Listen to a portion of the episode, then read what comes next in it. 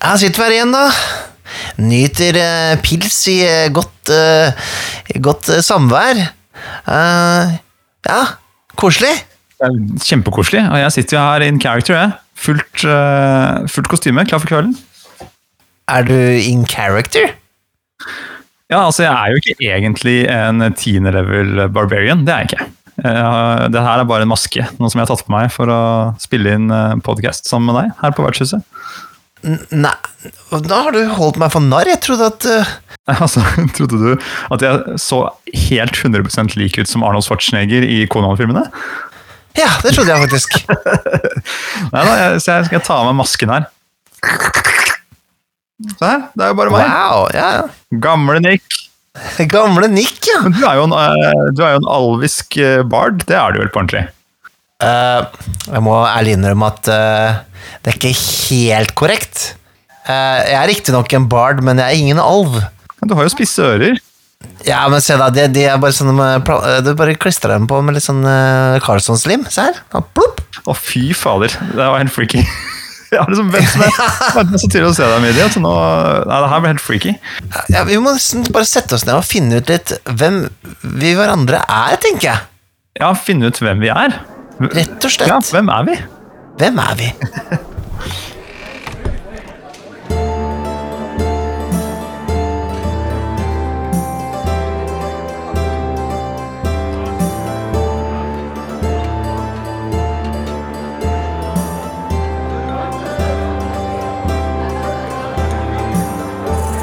Ja, Ja, ja. Velkommen til nok en kveld på Vertshuset.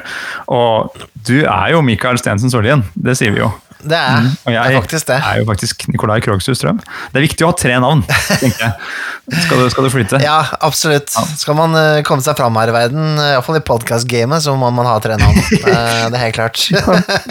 Vi, vi snakka litt om det at eh, ofte så møter man jo folk til spillkveld, og så kommer man dit. altså Jeg har opplevd det mange ganger. Jeg kommer til spillkveld og kjenner kanskje én litt, men kjenner ikke de andre så veldig godt. Setter meg ned, finner fram terninger, finner fram bok, spiller i fire timer, og så begynner merke, noen å merke, at, eh, eller jeg å merke, at shit, nå går snart den siste bussen. Ja, takk for i kveld, det var hyggelig, ha det bra, snakkes om to uker.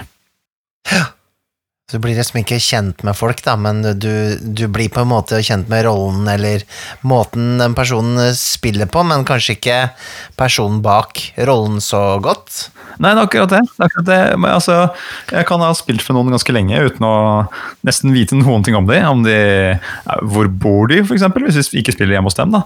Eh, Og bare Hva interesserer du deg egentlig for når du ikke driver med akkurat det her? Og har, uh, har du kjæreste? Og kommer du fra et annet sted? Hva, ikke sant? Det eneste jeg går på, er på en måte eh, dialekt, da. Holdt jeg på å si. Ja. Også, og noen, hvis man har noen kommentarer innimellom, selvfølgelig, som man jo har rundt bordet. Så, ja, liker du sushi, du, da? Ja, ja, ja men jeg, har vært innom det samme sjøl, spesielt med grupper som er sammensatt av eh, litt sånn tilfeldige folk. Eh, sånn, egentlig sånn som vi begynte å spille rollespill sammen, Nikolai. Var jo litt gjennom en litt sånn eh, broket en blanding av folk. Ja. Da skulle vi spille, liksom. Det var ikke så mye tid til Vi hadde litt igjen prat før vi begynte å spille, men det var liksom Det var down to business. Ja. Og så var det jo da en gjeng med folk som hadde unger og sånne ting, eller hadde andre forpliktelser, så det var jo ikke sånn at man rakk å bli så kjent nødvendigvis under rollespillingen, annet enn med, ja, som sagt, gjennom handling man gjorde der, og rollene man spilte, da. Mm, ja, altså, vi, har sett, vi har satt av fire timer til spill, eh, og det er det Ja. alle har klart å sjalte ut av tid denne uka i det hele tatt. Og da er det å sette seg ned, spille, spille, spille. Eh, og that's it. Det er egentlig ikke tid til så mye sånn der, refleksjon over uh, spillkvelden nesten engang. Nei, og det altså sånn, det, det er jo kanskje litt spesielt da, på eksempel hvis man spiller på eh, Adventure League, eller en av disse stedene hvor man på en måte møter nye folk da. Adventure Og- League er den der, du, du kommer til type Outlander eller noe sånt, og så kan Ja. man bare finne seg et bord å spille ved. Er det ikke det? Eller? Ja, diverse eller spillklubber for den saks skyld også, men Mm. hvor, og, og på kongresser hvor man blir satt sammen, man eh, er der for å spille rollespill, man rekker kanskje ikke å bli kjent så mye, da. Um, Og det, jeg tror det er viktig, da. Eh, Jeg, jeg vet ikke hvor viktig det er å kanskje bli kjent på sånne sammenhenger, men, men det er jo litt rart. Altså man, man spiller med sosiale spillere som fins, og ikke er på en måte mer sosial, kanskje. Ja, det er, det er jo en morsom kombi, det der. Jeg tenker jo sånne der steder som Arkon, og nå har ikke jeg fått vært der, faktisk, fordi det har vært eh, enten ting som har skjedd på hjemmefronten, eller eh, at det har ikke vært i levende live, holdt jeg på å si, på en stund. Eh, Men jeg forstår jo der at der sitter man jo og spiller rollespill, og så er det en bar ved siden av, hvor man da kan gå ut. Ja. Og det er da man blir kjent. ikke sant? Da har man spilt sammen i fire timer, Mm, og så kan man stikke på den puben sammen med alle disse folkene etterpå. Og det er jo, Ja, det, er jo det perfekte måte, måten å bli en del av disse community på, å få noen nye venner og sånt. da. Absolutt. Og jeg, tenker jo det, nå har vi jo hatt eh, Dette er vår Vi er oppe i 40-tallet når det gjelder episoder her nå. Ja. Og vi har vel egentlig aldri hatt noe Kanskje vi hadde litt grann den første episoden, litt sånn, men den episoden er jo litt sånn småklein å høre tilbake på nå. Jeg prøvde meg på det for ikke så lenge siden. Og da var det to veldig nervøse verter som hadde startet sin ferd da i 2016. Shit, det er lenge siden. ja, det ligger der til spot, Ja. eh, det.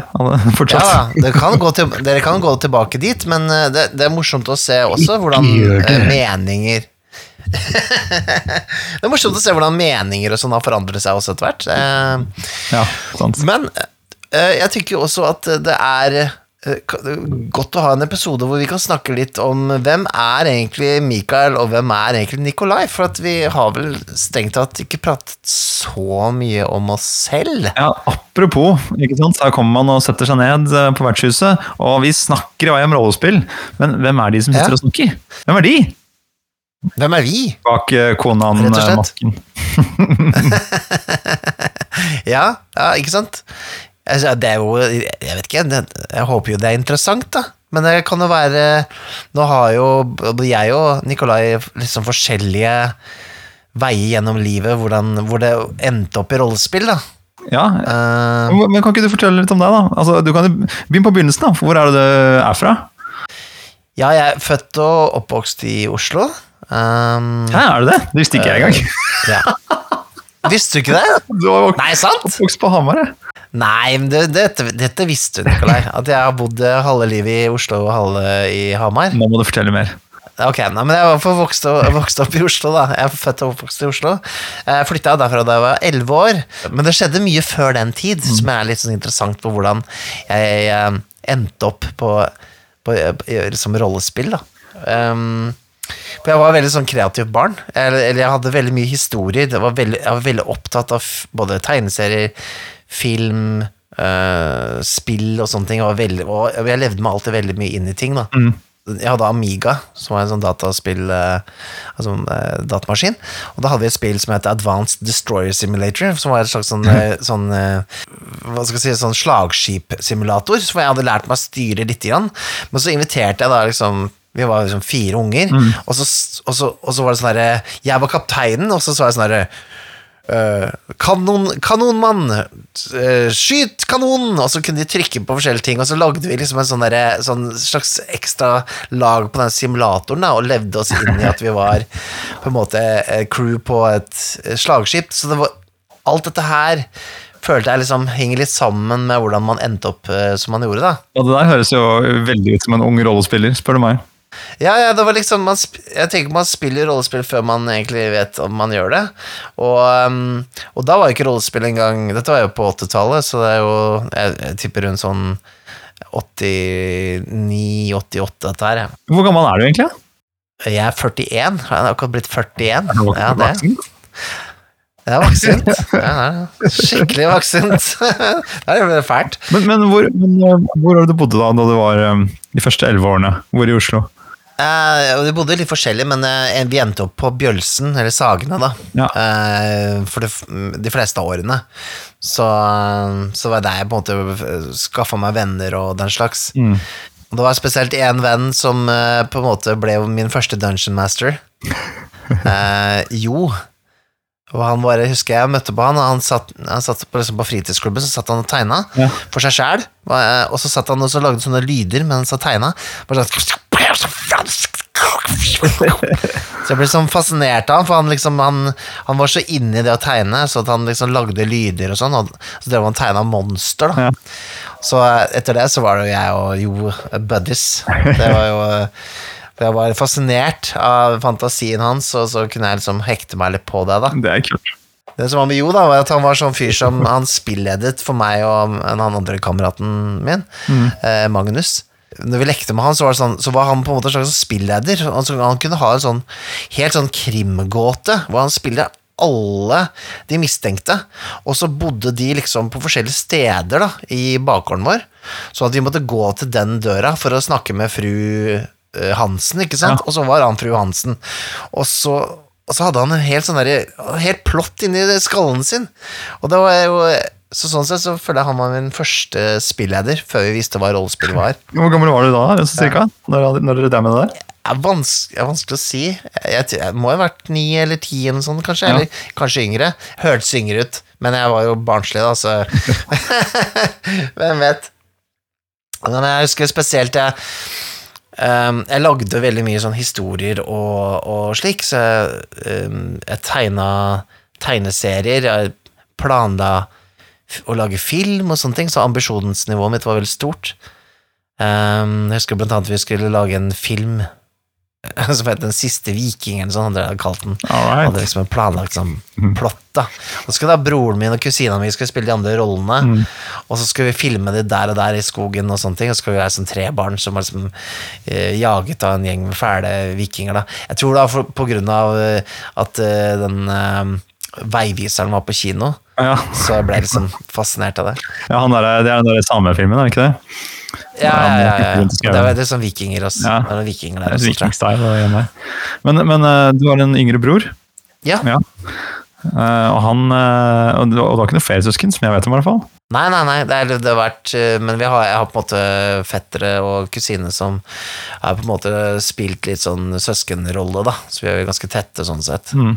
Han lillebroren din, er han, han Kim, er han rollespilldude, han da?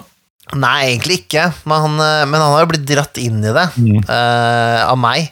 Jeg er jo litt sånn uh, Jeg er jo veldig sånn storebror, da, som, som drar han inn i veldig mye rart. Altså, det har jo blitt, han har blitt med å spille litt rollespill, ja, opp gjennom åra. Så han er ikke ukjent for det, men han, han, har ikke, han, har ikke, han er ikke en rollespiller per se, sånn sett. Han, han, han driver ikke og tenker på det fra dag til dag. Nei, altså, hvis rollespill, hvis rollespill foregår i stua hjemme der hvor han bor, og du er den som leder spillet, f.eks., Hvis jeg, hvis jeg disker opp, så, Ja. så er det ikke sikkert han sier nei, men, men eh, det er jo ikke sånn at han, han maser ikke om det eller noe sånt, nei. nei. Jeg, husker, vi har jo faktisk spilt med han en gang òg, kom jeg på nå. Da spilte vi Savage Worlds. Å ja! Hvor du hadde Jo, det, ja. en sånn der papirfigur klippe ut uh, Stoke gående. Ja, her stemmer det. så mye papir. Ja. Uh, men ja, det var veldig mye papir til det spillet, da, så, det, så det, sånn var det jo. Uh, kult. Ja, og så flytta du da til, så flytta du til Hamar plutselig, da du var 11. Hva var grunnen til det, da?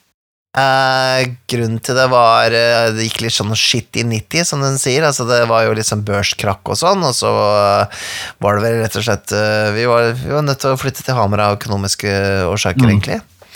Eh, og så da flytta jeg faktisk ned i kjelleren til, til bestemor, Ja, hele familien. Jøss. Så det var jo Det var jo en forandring. ja det kan jeg skjønne. Men eh, ja, det var eh, Det var eh, det var greit, det. Så det var ikke noe problem for meg som Jeg merka vel egentlig ikke noe til at det var på en måte litt sånn Litt, litt sånn kjedelig, da, for foreldrene mine. Hadde du eget rom da, eller måtte du dele rom med broderen? Jeg og Kim delte rom, ja. Ja. Så det var litt ubehagelig, eller sånn ubeleilig, er vel kanskje mer greia i liksom, da jeg begynte å komme i puberteten. Da. Ja. Det var det jo. I dag er jo ikke det lov, vet du. Hva? Altså dele rom Er det ikke det? Nei, du får ikke, du får ikke lov til å dele rom eh, etter en viss alder. Jeg er ikke sikker ja. på helt når, da, men eh, det men, eh, jeg noterer meg, jeg tar notater her nå. Det er greit å vite. Ja. men ja, det, men jeg må nesten skru klokka litt tilbake, for det var akkurat da jeg flytta til Hamar at rollespillgreia ble tent, da. Eller sånn, eh, det lyset ble tent. Mm. Fordi det var da jeg gikk feil. Jeg, jeg hadde livssyn istedenfor kristendom på skolen, fordi foreldrene mine er veldig sånn, eller var i hvert fall veldig mot religion før, og det smitta over på meg. Det er Adams Family, ikke sant? Ja, litt sånn Adams Family over hele greia.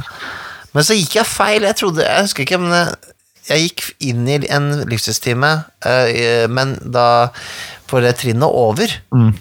Og da hadde hun lærer, læreren eh, en sånn eh, Hva er det du kalte det for noe? Ikke prosjektor, men sånn whiteboard, er det ikke det heter? Ja. Nei, ikke whiteboard, men Overhead. Overhead heter det, ja. Hvor de spilte Skatten i Monsterfjellet. Eller da Fighting Fantasy sin The Warlock of Firetop Mountain på engelsk. Ai, ai, ai. Eh, som var en sånn, sånn spillbok eh, hvor du liksom vil du gå til venstre, les kapittel 23. Nettopp. Ikke sant? Og så slåss du med fiender og sånn, med terninger og sånn. Eh, og jeg kom inn, inn der, da, jeg gikk feil, og så, og så ble jeg helt som Det hengte meg så innmari opp i det jeg så. da. For jeg så da spesielt et bilde. Eh, han Kunstneren heter Russ Nicholson, tror jeg han heter. Jeg er litt usikker. men og Det er det der bildet av tre sånne zombier okay. uh, som hun møter på der. Og det bildet er veldig sånn eh, stemningsfullt. Og det, var- jeg er sikker på at det lille øyeblikket, det er snakk om typ ti sekunder, hvor jeg ikke forsto helt hva som skjedde. Ja. Jeg spurte, jeg spurte hun etterpå, eller senere, hva det var for noe, da. Og da forklarte hun meg liksom at det var at de spilte det spillet, og de hadde delt opp i bord og sånn, eh, hvor de kunne da gå tur mellom å velge hva man skulle gjøre i boka, ikke sant? Og så, og så de, bytta på hvilke bord som kasta terninger for å slåss og sånne ting. Kult. Høres ut som en Men- mest kul uh, livssynslærer. Ja, ja, hun var dritkul. Jeg tror hun het Tone. Um, men eh, det tok jeg med meg, fordi jeg hadde lett etter et eller annet sånt. eh, sånn alt hadde ført Som førte fram til det her. Jeg følte på en måte dataspill ga meg noe av det. Eller sånn eventyrspill på dataspill. Men jeg var ikke helt der, ikke sant? Og når jeg så det her som en sånn derre Oi, det her tror jeg er noe jeg eh, vil ha. Så da jeg flytta til, til Hamar, så, så tror jeg jeg så en Norge Rundt-dokumentar om tre nerds som eh, Jeg vet ikke om de jeg, jeg, jeg tenkte ikke de var nerds, da, men eh, de satt i kjelleren og spilte rollespill, da. Den ligger sikkert ute ennå, hvis det er NRK-shit. Ja, men jeg har prøvd å finne det. det jeg har ikke funnet det. Jeg, mange år så trodde jeg det var ungdomsprogrammet U på NRK. Ja, men jeg har innsett at det er antageligvis Norge Rundt jeg har sett det på. Kult. For at U hadde litt sånn annen format på ting. Det var veldig mye mer sånn der eh, edgy 90s-greie. Men her var mer sånn Men det, det satt veldig stemninga, for fordi de hadde lagt på musikk, og så var det sånn De forklarte om karakterene sine, og så var det sånn peis der og sånne ting. Ja. Og det merka jeg bare sånn oh, oh, I want in on this, on this shit, liksom. Det her er det jeg vil. Tenk om du finner igjen det klippet, Mikael, og så er det vertshuset. Og så er det oss som sitter der, som voksne, på TV-en. Sånn Å, fy fader! Å, fy! Ja, det er weird. Det er- Kanskje. Men det var det. Det var sånn jeg peila meg inn, da, rett og slett. Så du har fått noen sånne der, eh, små drypp her og der som virkelig bare har skjøvet deg inn på riktig spor, rett og slett? Ja, og det var vel ikke før jeg Kanskje det, i 92 eller 93, litt usikker. Eh, For det lå egentlig bare ulma. Det slo ikke helt rot. Eh, Men det var- på en bokforretning i Hamar, notabene. Nota Bene. Mm. Så lå Drager og demoner. Ja, den svenske Altså den norske oversettelsen. Kult. Og jeg trodde det var Dungeons and Dragons. Ja. Men jeg tok feil, så jeg kjøpte det spillet. Og så uh, syntes jeg det var kult, men jeg innså innså ganske fort at det var feil spill, så da kjøpte jeg meg Dungeons and Dragons. For man kan jo ikke, man kan ikke spille den bleike svenske Jeg syns det ser så kult ut, den der drager og demoner. Ja, det, det er egentlig kulere spill, men, eh, men den gangen så var det liksom Det var Dungeons and Dragons. Og det er jo fortsatt sånn, da, at det, er, det er jo det som er eh, ja, det store spillet. Så jeg, trodde jo på en måte det var bedre bare fordi det var kjent, mer kjent, ikke sant. Ja, ja, klart det. Og det er mer eh, litteratur som hører til og sånt, så det er på en måte en større Det er, det er mer å ta av. Mm, mm, ja, ikke sant. Men, men da, liksom, da bodde du på Hamar, og, og hadde du noen hobbyer liksom, utenom der? Liksom, begynte du å pense deg inn i å kjøpe inn flere drager og demoner-bøker? Nei, jeg var jo veldig sånn uh, Dataspill var jo det store greiene, ikke sant. Så jeg var var jo kanskje litt sånn jeg også fikk meg en del venner iallfall på et nytt sted. da Og jeg hadde jo alltid Det er vel greit å si det nå, eh, 30 år etter, eh, at Mm. vi piratkopierte noe helt eh, sykt med, med dataspill. Ja, spesielt Amiga, da. Jeg tror kanskje vi var, må være Norge altså, Vi hadde flest spill i hele landet, tror jeg. Så det var jo på en måte litt sånn at jeg kunne på en måte kjøpe meg litt venner da gjennom den Ja, skjønner. Eller jeg hadde en bargaining chip, da, rett og slett. Ikke sant? Jeg, jeg var litt kul, for jeg hadde alle spillene. Ja, nettopp. Men jeg var jo, jeg var jo ikke så kul, for jeg Altså, i Oslo så, så, så var jeg Da var man på en måte Fikk man lov til å være barn litt lenger, føler jeg. Ja. Men da jeg kom til, eh, til eh, Hamar, eller Ottestad, da, som det heter, Mm. så hadde jeg liksom nesten begynt å drikke og sånn. Og de var sånn sånn superkule. Ah, ja. Så jeg det, ja, jeg var helt overraska. Ja, ja, og jeg hadde liksom bolleklipp og sånne ting. Måte, og de var sånn derre Ja, de var sånn altfor kule, da. Jeg ser for meg han der, vet jeg, han i a-ha, han derre hovedduden. Morten Harket? Morten Harket, ja. Jeg ser for meg unge Morten Harketer. Nei, det var, de var, det var mye kulere enn det. Um, og så Dette har jeg gnagd på meg hele livet, nesten, men nå har jeg på en måte uh, gitt opp, da, for at uh, jeg, Det er ikke så farlig lenger. Men jeg husker at jeg, jeg så på en sånn det var, På den tida så var det en sånn Shell-reklame. Ja. Og den eh, eh, Da var den derre det er en sånn dame som jobber på Shell som sier sånn 'Kom inn i Kis, da!' Og så skulle han Så han ville ha pølse. Ikke sant? Ja, Husker du den reklamen der? ja. Ja, med Mar, Mar, et eller annet Ottersen ja, er eller derre sk- sk- eh, ekstraservice? Det er Shell, det. Ja. Ja, stemmer. Og, da, og hun, hun Da kom det en Kis. Så jeg trodde Kis var sånn en kul ting å si. Ja.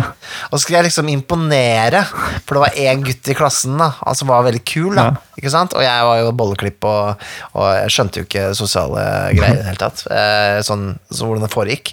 Så jeg sa til han Hanseren, du er den kuleste kisen i klassa, altså. Jeg sa det på den måten. Og etter det så var jeg bare den the nerdiest of the Da nerds. ble ikke liksom. du den kuleste gissen i klassen, for å si det sånn. Nei, jeg var, jeg var, det sant, for, greia, for, De forventa seg en sånn kul fyr fra Oslo, Ja. fra storbyen. Skulle være sånn super eh, ikke sant? For de var liksom tenkte ah, Han har sikkert med seg kniveren og sånn. Ja. Men så kommer jeg, ikke sant. Så kommer den fyren. Og så, og så sier han noe så dumt som det der. Så jeg var jo sånn Jeg var jo jeg var Heldigvis hadde Amiga-spillene. Eh, så jeg, jeg, jeg ble ikke banka opp eller sånn, men jeg føler ikke at jeg liksom Jeg ble ikke mer kul. Piratkopiering er redda deg. Ja, det gjorde det, altså. Det gjorde det. Men jeg visste ikke helt hvordan man klarte å få tak i spill hvis det ikke var kop- piratkopiert. Altså, det, er, det var jo en hel sånn Det var sånn man fikk tak i spill. eh, Liksom til Ja. PC og sånt. Noen disketter med noe greier. Faren min var jo minst like interessert som oss, ikke sant? så han, eh, vi, vi hadde jo en kontakt i Danmark eh, som, som sendte oss en sånn databasediskett hvor vi kunne bare plukke med liksom, hvilke spill vi ville ha. Sånn hver måned, eller jeg husker ikke hvor ofte det var, men vi fikk liksom en, en sånn bestilte, da, eh, kopierte spill. Vi fikk en sånn svær eske med spill, eh, om det var flere ganger i måneden eller ikke, jeg vet ikke, men vi har, har fortsatt tusenvis av disketter oppe på loftet, liksom, i, i Hamar. Nå har de råtna litt, så er det synd, men uh, de ligger der. Ja, så vi, ja, det, og det fortsetter jo, liksom, for vi hadde litt sånn kontakter innenfor sånn hacker, ikke hacker da, men cracker-miljø. Cra- og sånne ting, cracker-miljø. så da- Cracker-miljø! Fader. Å sitte og bruke X-copy for å kopiere diskere. Fy fader. Det var før internett. Da hadde sånn eh, swap-party, kalte man det. Ja. det jeg må jo si at Har du hørt om det? Nei, jeg har ikke hørt om det. Jeg skjønner jo hva det går i, da. At man møtes og bytter spill, liksom. Eller um, Ja, det kopierer spillene til hverandre, rett og slett. Og så bare lar eh, swap-party. Altså, det er en annen måte å ta inn nye, nye ting på. oss. Som, eh, jeg elsker jo på en måte Steam, hvor man finner spill, og Spotify, hvor man finner all mulig musikk. Eh, så, men eh, jeg savner jo den der å kunne Åh, shit! Sjekk den plata her som jeg har fått tak i, fra USA, liksom. Den finnes ikke i Norge engang. Ja. Og så, bare, så hører man den musikken, og så bare setter man seg ned og virkelig lytter til det. Eh, fordi det er liksom litt sjeldent, og det er ikke noe man bare hører på én sang mellom hundre andre sanger. Det ble litt sånn der, Jeg måtte grave litt og gjøre litt research og holde på litt for å finne ting. Det, var, det gir jo en ekstra glede. Ja, så var det måtte, måtte prate med hverandre og, og eh, grave litt på den måten òg, da. Være, på en måte finne det sosialt også, ikke sant? Finne informasjon sosialt ved å snakke med eldre gutter som drev med rollespill for å finne ut hvor er dere kjøper rollespillet eller mm. hvordan kan jeg liksom Ja. Det var jo ikke bare å lete opp på internett, så Men vi fikk det jo til, da, så det ordna seg. Og ja, og apropos det, apropos det å grave litt og, og Jeg vet ikke, men jeg har sånn kjempefetisj for butikker. ja, det, er- det, det, sånn der, det er weird. Hva slags type butikker da? Altså Kiwi? Nei, nei, det, nei. nei da, det er liksom en Jeg har en sånn, sånn eh, drøm som, som jeg kommer tilbake til, da. Um, en sånn fetisj, omtrent. Hvor jeg som er på en sånn Hva skal jeg si Butikk mm, tett i tett med, med rollespill oppetter veggen og, og, og liksom Ja, det er liksom Ja, ikke sant? Det er, det er min happy place, da. På en måte Å dra liksom tilbake til type Avalon eller, eller sånne Ja, for eksempel sånn bruktbutikker, da. Jeg vil bare Ja. gi en, eh, en shout-out til min lokale bruktbutikk, eh, Lucky Eddie, eh, som er sånn antikvariat, hvor jeg fant eh, grunnbøkene til ADHD second edition i mint condition. uh, Oi, oi, i fjor sommer. Og det for en eh, slikk og ingenting, egentlig. Så det var, eh, det var nice. Det ble mye bedre enn eBay. Så Men hvor er den uh, lokale sjappa her, da? Er det fortsatt i Hamar nå, eller? nei, dette er Oslo, da. Så, Ja, så der jeg bor nå Um, Jeg dro jo til Oslo etter hvert, ja. Ja, så, Men eh, hvordan eh, liksom, Hva gjør at du skulle inn til Oslo plutselig? Og eh, blir man ikke stuck på Hamar når man er på Hamar, liksom? Nei, man som man bor i Hamar, så ønsker man seg til Oslo. Det er bare så naturlig, det. Man, man, blir, man vil helst ikke bli i Hamar, hvis man ikke er spesiell, da. Først så var jeg vel et halvår på Gjøvik, faktisk. Det var jo skikkelig dritt. Ja, det, det, det, gikk fra Hamar til Gjøvik? ja, det er bra. det er feil side av Mjøsa, som de sier. Ja, jeg har hørt dette. Så jeg prøvde meg litt på noen skole der, men så eh, dro jeg til Oslo og flytta inn sammen med kjæresten min da, på den tida. Mm. Um, Og da, da starta jeg jo band og sånn der. Ah, hva, for du er jo musiker, Mikael. Du er rockestjerne. Ja, jeg kan, ikke kalle meg rockestjerne, men jeg, jeg har drevet med musikk. Jeg kaller deg rockestjerne. Altså, du har stått på ei scene mange ganger. Ja da, ja, jeg har det. Det har du. Og du er jo vokal og gitar, er du ikke det? Men du, eller er du bass? Jeg begynte som bassist. Men du gjør det? Det, for jeg, jeg gjorde det. Det var, det, var, det var rundt i rollespilltidene, faktisk. Da jeg starta, altså da 14 år og sånn. Så jeg hadde liksom Jeg hadde med rollespill og musikk samtidig. Det hadde du Eh, gjort det lenge. og da var det jo Jeg begynte med bass eh, fordi det var ingen andre som ville gjøre det. Så det var jo på en måte litt sånn ja, Alle kan jo ikke spille gitar, så noen må spille bass også. Ja, det er sånn. Mm. Det er noen som har plukka opp den bassen. Det er noen som er jævlig gode, da. Ja, Hva het, eh, hva het bandet ditt, da? Det første bandet? Det første bandet? kom til ok. Ja, det var, det var morsomt, for vi hadde jo Vi hadde jo et jeg, En kamerat som heter eh, Herregud, nå husker jeg ikke hva han heter. Bjørn Erik. Bjørn Erik. Ja. Og han, eh, han var jo da en veldig sånn flink gi- gitarist, da, så jeg, jeg kobla meg på han, men jeg kunne aldri bli like god på gitar som han, så jeg eh, kjørte bass. Det var første bandet vi hadde tenkt å lage, det skulle hete Three Dead Dogs. Å, det er veldig tøft. Nei, det er egentlig ikke så tøft, for det var, det var rundt den tida Four Non-Blondes var populært. Så vi tenkte litt liksom Men det ble ikke det som ble bandnavnet, da. Bandnavnet ble Basement. For vi øvde i kjelleren. Og det er morsomt, Ja, ja, det er et nytt band som heter Basement, som er jævlig kult. Uh, ja, spiller- så har de Basement Jacks òg, må ikke glemme de. Ja, må ikke glemme de. Da har vi heta Basement, da. Uh, Oh, Og vi, ja, vi hadde vår første konsert, tror jeg, på uh, barneskolen. På sånn derre sånn kulturkveld. Vi spilte inn på klasserommet og sånn. Rockestjerner. Mm. Da var vi i det nye Nirvana i Ottestad. er du gæren? Klart det. Men hva, Var det The Basement som slo seg opp i Oslo, eller var det et nytt band da? Oh, nei, nei det, det var jo noe greier mellom der. Men uh, Basement varte uh, kanskje et år eller noe sånt. Jeg vet ikke hvor lenge ting varer når man er så ung, ja, men uh, det varte en liten stund, og så hadde jeg et annet band som het Idol Gossip. Som var så mer sånn punkegreie, og spilte med cover. Og så var jeg inne i et Kiss-coverband en stund. Litt sånn motvillig, for jeg liker ikke Kiss engang. Ikke, ikke sånn veldig, da. Altså, jeg syns det er litt morsomt nå, men jeg hata det da. Så jeg måtte bare Ja. For det, det var det de andre ville spille, så måtte jeg liksom spille da. Mm. Og så, og så var vi, så var vi et band som hadde dere sminke og greier, eller? på én konsert, den siste konserten vi spilte, og da hadde jeg fått nok.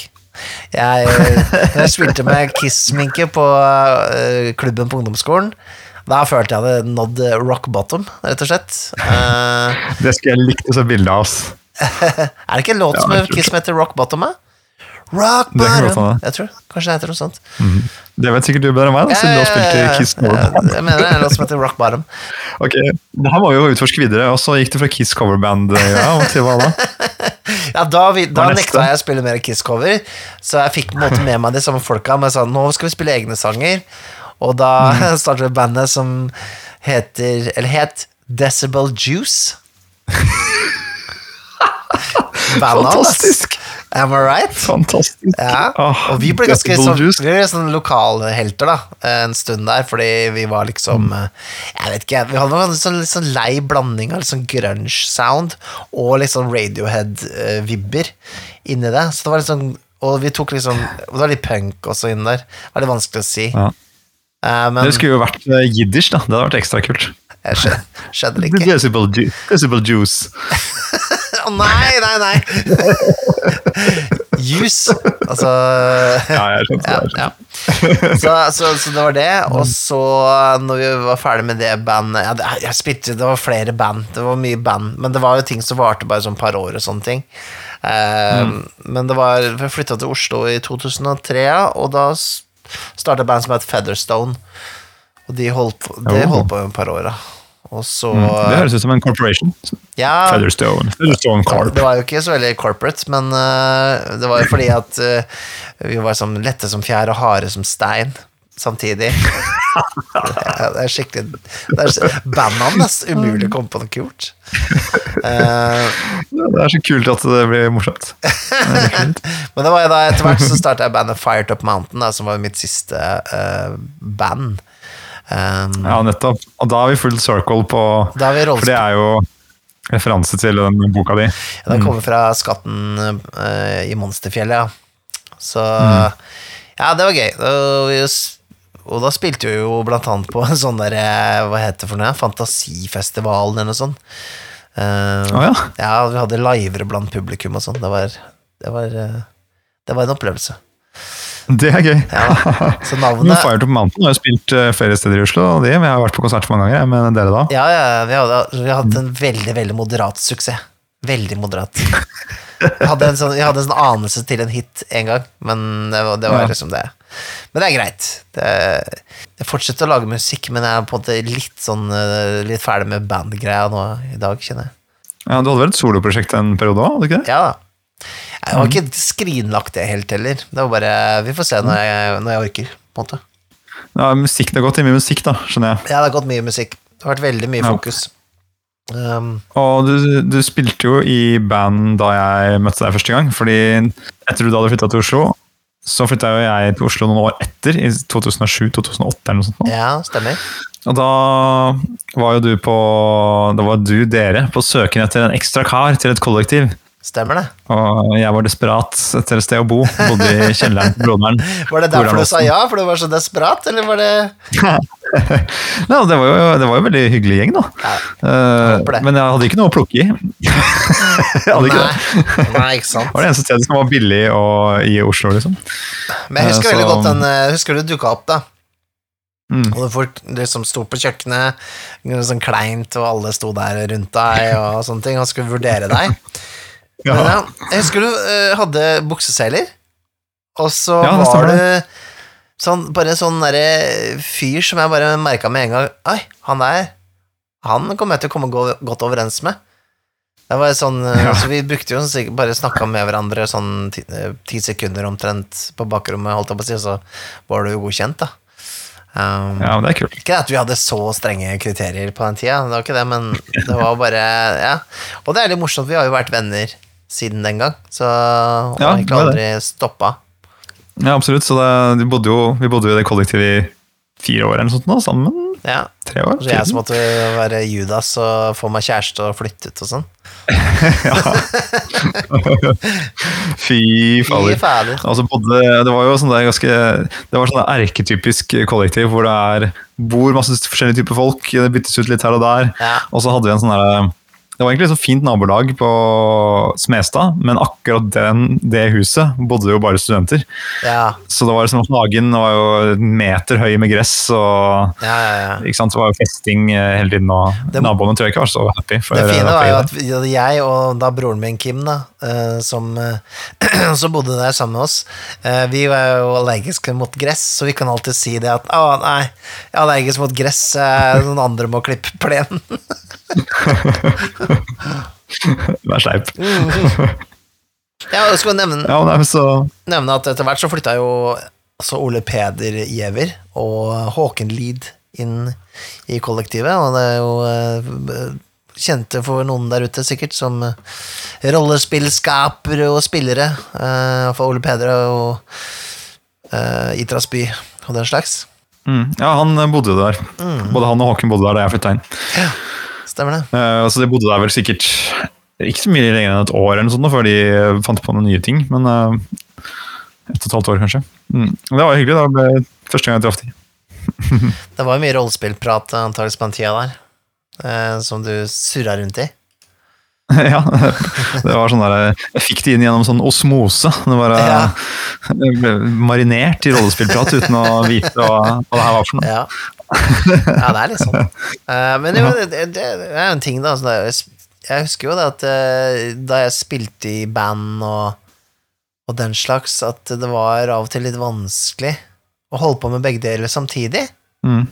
Uh, det var jo litt den der hele den greia med å um, At det var så to forskjellige verdener, da. Uh, og jeg merka jo først da jeg flytta til Oslo, at det var det var mer nerdete enn jeg trodde det skulle være. Mm. Iallfall i hvert fall da jeg, det jeg opplevde da jeg var, da jeg var i Hamar. For da hadde jeg jo ikke noe internett, det var ikke noe, det var ikke noe memes som kunne si meg at eh, rollespill var nerdy. Det var det første jeg kom til Oslo at jeg oppdaga det, og at det krasja litt igjen med den kule rockegreia. Mm. Eh, så jeg, jeg husker spesielt en bursdag da hadde eh, kjæresten min Hun hadde invitert alle vennene mine. Overraskelsesbursdag. Uh, at hun har invitert alle. Og det kunne jeg jo advart henne mot at det ville kanskje passa litt dårlig. Uh, fordi du har jo så utrolig mye forskjellige folk. ikke sant? Sånn, Mm. På den ene sida så har du bandfolk som bare bryr seg om musikk og kanskje litt fotball og kanskje litt uh, uh, filmer og sånn, ikke sant? Som, som bare Ja, dataspill, for så vidt PlayStation sånn har begynt å bli kult og sånn, men Og så har du rollespillere, ikke sant, som både er mer akademiske og mer eh, ofte, da, eh, og ja, opptatt med sine egne greier, ikke sant, liver og den slags. Det passa så dårlig sammen. Det var jo eh, Så da satt jo rollespillerne på plenen utafor, eh, og så satt resten av eh, sånn, de andre vennene mine da, i stua etter hvert. Jeg klarte ikke liksom å Det skyldtes seg naturlig som olje og vann. ja, det var weird. Jeg tror på en måte rollespillerne bare fikk litt nok av de andre. Ja. Eh, fordi at jeg husker spesielt én da, i den gjengen min. Han kunne være litt vanskelig Altså kunne være litt, sånn der, litt vanskelig å like med det første. Han var litt så frekk fyr. Så kan hende de bare Faktisk, det her gidder jeg ikke, liksom. Eh, Det var den stemninga fra rollespillerne, og så, og så ble de andre igjen, da. Jeg vet ikke. Men Ja, ja. Så går det noen ganger. Um, Da fikk du sånn bilde av eh, dine to sider, rett og Ja, som, som mm. slåss litt mot hverandre. Jeg husker at jeg sleit litt med å få, liksom, få spilt, da. Jeg hadde ikke noen gruppe en stund, husker jeg, å, å spille rollespill med. Jeg tror jeg nedprioriterte det også. Men jeg husker at det gjorde meg faktisk mer lei Altså, det, det gjorde meg mer deprimert enn å faktisk spille. Du skjønner at, at jeg, jeg merka at jeg trengte det. Mm. Jeg trenger rollespill. Og man kan alltid si at man skal prioritere ting her i livet og sånne ting, men det er ikke alltid man kan velge bort noe, og at man blir lykkeligere av å velge bort noe. Does that make sense? Ja, ja, ja. Man går jo gjennom ting da, og- utforsker hvem man er og hva, man, hva man har lyst til å legge fokuset sitt på. og så læ- Man må liksom gjøre det for å lære det. Mm. Og du var jo, hadde jo ikke deg egentlig i en sånn rollespillkategori som eh, venn før liksom, du inviterte på en rollespillkveld i sånn 2011 eller noe sånt. Nå. Det var det først da, ja. 2010. ja. Ja, da det liksom Altså, vi spilte vel kanskje én eller to ganger da, før det. Litt Ja. sånn random prøve å teste ut det her, liksom. Men det var jo da du inviterte til å ha den, The One Ring-session med masse randoms fra internett. Ja, stemmer. Og trengte en buddy som, kunne, som du kjente Ja. til dette skumle møtet. At uh, Vi som satte i gang en kampanje som egentlig varte ganske lenge, varte sikkert et år eller noe, ja. Uh, med den gjengen der. Og så balla det liksom på seg derfra. Jeg gjorde Med nye spill og nye gjenger og mm. Men det var ehm, Ja, fordi Ja, det var jo det som var grunnen, ja. Du ble med litt ja, som en sånn fodder, eller beskyttelse. Det vi hadde Mm. spilt før det, var vel eh, Jeg husker du hadde besøk av en fyr fra Gran. Ja. som hadde plutselig invitert til å spille rollespill igjen, og da tror jeg vi spilte Spilte vi ADHD, eller? Var det det vi spilte? Det tror jeg vi gjorde. Det var liksom typ hos en eller annen venn av meg. ja, det var en skikkelig dårlig session, husker jeg. Han hadde ikke planlagt godt i det hele tatt. Det eneste som skjedde, var, var en sånn kampscene hvor vi skulle liksom Det var en vogn som vi Som ble skutt på av orker eller noe sånt. Uh, Ja. det, var, det var litt kjedelig. det funka ikke helt optimalt, jeg gjorde kanskje ikke det, men jeg husker han ene drev og stjal fra de i gruppa, det var gøy. Ja, og så var det um, Savage Worlds må vi ha Ja. spilt da når vi, vi, vi var uh, bodde sammen. Men etter det så var det jo Mm. ja. Og når du satte i gang den The One Ring, det var The One Ring som fikk oss inn. Eh, hadde jo ganske mye eh, fandom for Ringenes herre, så det passa bra, det. ja. Men kan vi ikke ta, ta litt om det? Nå er jeg jo eh, Ja, jeg har prata mye om meg selv, eller du har stilt meg noen spørsmål og sånne ting, men jeg har litt lyst til å vite litt mer om deg, Nikolai.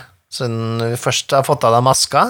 Jeg kan godt fortelle litt om, om meg, jeg, vet du. Men Ja. kan vi ikke da ta avslutte eh, litt på deg først? da, bare sånn, for Ja. Du har jo vært på liksom reisen, men hvor er du nå, liksom? Bor du, du, du bor jo i Oslo sentrum, Ja, og så reiser du jo langt av gårde for å komme til vertshuset og spille inn sammen med meg. på ja vertshuset. det må jeg jo ta en portal, så klart. Um, Ja. Og så har du en forlovede. Det har jeg. Ja. Jeg skal jo gifte meg i sommer, og da ja, er jo du som er forlover. det stemmer. Stemmer. Um, Ja. Så det blir veldig spennende. Det er jo et nytt kapittel i livet. Mm. Har fått en, vi har fått en fur baby, som er eh, Buffy the Vampire Slayer Nei, Buffy the Sofa Slayer, som er katten vår. Uh, så ja, det har blitt veldig alvorlig, livet, plutselig. Uh, Ja.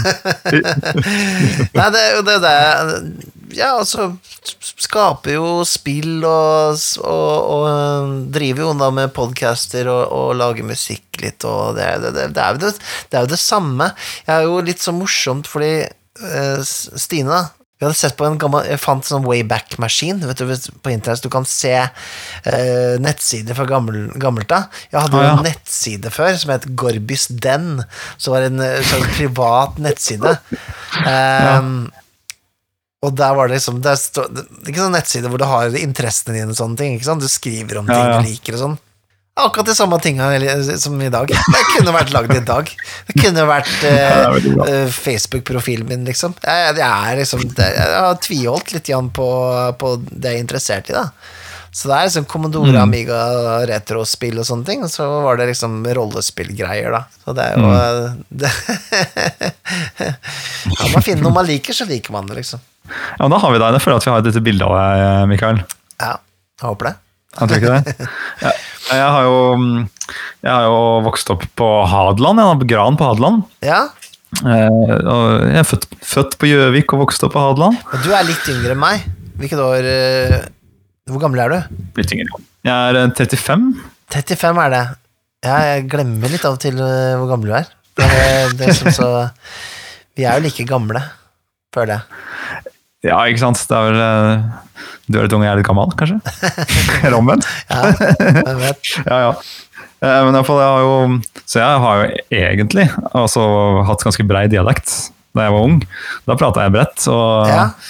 hadde en skikkelig god hadelandsdialekt. Ja, for ja, den kommer også fram spesielt liksom, Noen ganger så må jeg ringe faren til en kamerat av meg, som liksom er naboen til mutter'n, for hun bor forstått på Hadeland. Mm.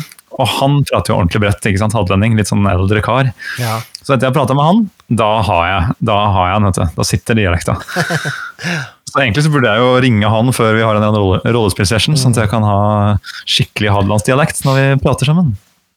Kanskje det er et tips, sånn at man skal ringe noen slektninger og sånn for å, for å, eh, å kunne tilegne seg en, eh, en uh, aksent, eller dialekt, for spillinger. Ja, men det er helt rart. Det er, altså, det er sikkert mange andre eller jeg vet jo at mange andre opplever det òg. At eh, de ringer noen familie fra et sted man bodde, og så plutselig så har man switcha over til annen dialekt. Men eh, sånn oppveksten din, eh, var det akkurat som i Kids on Bikes, eller?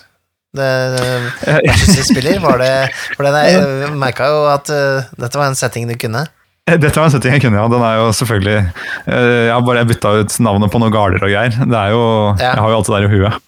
Det er litt sånn som det der, ja. Sy- Sykle rundt på, på gran til venner og mm, finne på ting og bade i noe tjern og stjele noe penger fra bilen til fattern og kjøpe smågodt og liksom Var, Den greia der, da. var du sånn bøllekid? Nei, jeg, var ikke, jeg, var ikke, jeg føler ikke at jeg var en bøllekid. Man prøver jo, man prøver jo litt uh, ting og tang, holdt jeg på å si. Ja. Hvelver noe uh, rundballer nedi bekken. Noe, noe Bleeds. Eh, Eh, no- nei, nei, nei. ikke kom med de der bleedsene. nei, nei. Nei, det, nei, men vi fant jo på ram, masse rampestreker og sånt. Det er selvfølgelig. Jo. Var det, men du var ikke, du var ikke liksom en det var, var du en cool kid, eller var du Eller var du liksom nerdy da du var yngre? Jeg har ikke inntrykk av at jeg var noen kul kid, egentlig, men jeg tror jeg var litt sånn eh, Litt forskjellig, har jeg inntrykk av. Jeg Ja. hadde litt mange forskjellige eh, gjenger. Mm. Sånn type, jeg husker da liksom skulle ha russebil, så tror jeg kunne, det var sikkert to-tre russebiler jeg sikkert kunne ha vært på. Fordi det var sånn, var ikke helt bakt inn i én gjeng. da. Mm. Det var liksom litt sånn der, den dramagjengen som det med eh, teater og sånt, og så var det den gjengen som drev med litt dataspill og sånt. Det var egentlig de jeg hang mest med, da, så jeg var vel kanskje litt nerd. Men eh, dataspillgjengen, og så var det liksom ja, flere andre, da. Så jeg følte at jeg liksom bare har vært meg sjæl, Mikael. Bare vært meg sjæl. Ja, det er bra, det. Ja, men, eh, men jeg ser jo for meg at du er en sånn fyr som folk eh, liker og eller eh, på en måte ikke har noe problem med. Det var ikke sånn fyr som Ja, ja, mener. Det, det, det, jeg var jo litt der også, men, men jeg var litt lettere å kanskje erte litt, da. Ja, det har vært i begge ender av spekteret, det er sikkert. Ja, ja, ja men, det, Men, det at du kan liksom hoppe inn i forskjellige gjenger og sånn, da. Det høres jo litt sånn Ja. ut. Ehm, og nå er du jo uh, Hvor er du bor nå, holdt jeg på å si? Du bor jo i Oslo, eller? Nei. Nei, nei, jeg har akkurat flytta. Så um, da har vi bodd her i det nye huset vårt. Vi har fått kjøpt oss hus. Ja, ja. Rekkehus. eh, I Sandvika. Eller Vøyenenga heter det vel her oppe i dag. Jeg er ikke helt kjent ennå. Mm. Eh, men vi trengte litt mer plass. Jeg fikk jo en kid for noen år siden som har grodd seg til. Mm. Ja. Og da plutselig var det ikke noe gjesterom eller noe sånt lenger. Det ble et, gjesterommet ble til barnerom. Det var jo da, da vi hadde en liten pause med vertshuset et år der. Det stemmer det. Eh, det, stemmer det det. var litt lite innspillinger, fordi da var det jo et tett program på eh, Nikolai-far, rett og slett. det var det, altså. Det var det. Riktig, Vi hadde ikke etablert podkasten så mye som de har nå. Har- det. Eh, Så det var flere faktorer der, men eh, Mm. nei, så nå har jeg flytta ut hit og har gressklippere og greier. Så Wow, wow. Men, da, Veldig men det, er også, så- det er også rollespillbøker, så det er greit. det er veldig mange rollespillbøker eh, etter hvert. Er jo, de har jo smitta meg med denne sykdommen. Ja. rollespillsykdommen, Så det er jo masse rollespill stacka opp her. Men, det- men jeg har jo med meg noe fra, si, fra oppveksten min, jeg også. Ja. Eh, Det er to bøker jeg har her som er liksom eh, Det er Advanced Dungeons and Dragons, Player Handbook og Dungeon Master Guide, som jeg har kjøpt på Avalon også, Ja, ikke sant? en gang i tiden. Og det er second edition, den eh, utgaven Det- jeg spiller nå. Mm, yes, så det, og jeg visste jo ikke helt hva det var helt da jeg kjøpte det, men det var snakk om rollespill, og noen dreiv med det. Mm. Og, og han der som du hadde en dårlig session med en gang, han har jeg spilt med. Og så var det en annen fyr som het Sindre Læren, Mm. som, også, som var spilleder for oss et par ganger. Og det var liksom det var veldig kult, og det, spilte jo videre på interesser jeg allerede hadde. Ja. For det begynte liksom med at jeg leste um, de Valhall-tegneseriene av Peter Madsen, han danske Jeg så tegnefilmen. Var det mer enn én tegnefilm? Jeg husker bare den ene. Jeg tror det var noen småfilmer, eh, men jeg hadde bare, jeg visste ikke at det fantes engang. Jeg hadde bare lest tegneseriene, for det hadde brødrene mine kjøpt. Jeg har Mm. to eldre brødre, og de er 12 og 13 år eldre enn meg. Oh, shit. Så det er det er, du er ekstremt oppåklatt. Jeg er veldig veldig oppeglatt. Så de var så mye militærish når jeg var sånn seks år. Omtrent. Mm. Så, mm, men da lå det jo igjen noen sånne blader, da. Og det var åh, yes! Da ble jeg veldig interessert i norrøn gudetro og vikinger og Ja. og Den interessen har liksom virkelig både jeg og brødrene mine hatt alltid, da. Mm. Um, og ikke så langt unna der jeg, vokste opp, på Hadeland, så ligger det noen sånne gamle middelalderkirker som er fra 1100-tallet. Og de lå også rett ved barneskolen min. Eh, De heter Søsterkirkene, og så er det et klokketårn ved siden av der, som er et gammelt, et gammelt eh, tårn som er liksom for eh, beskyttelse av området. Mm.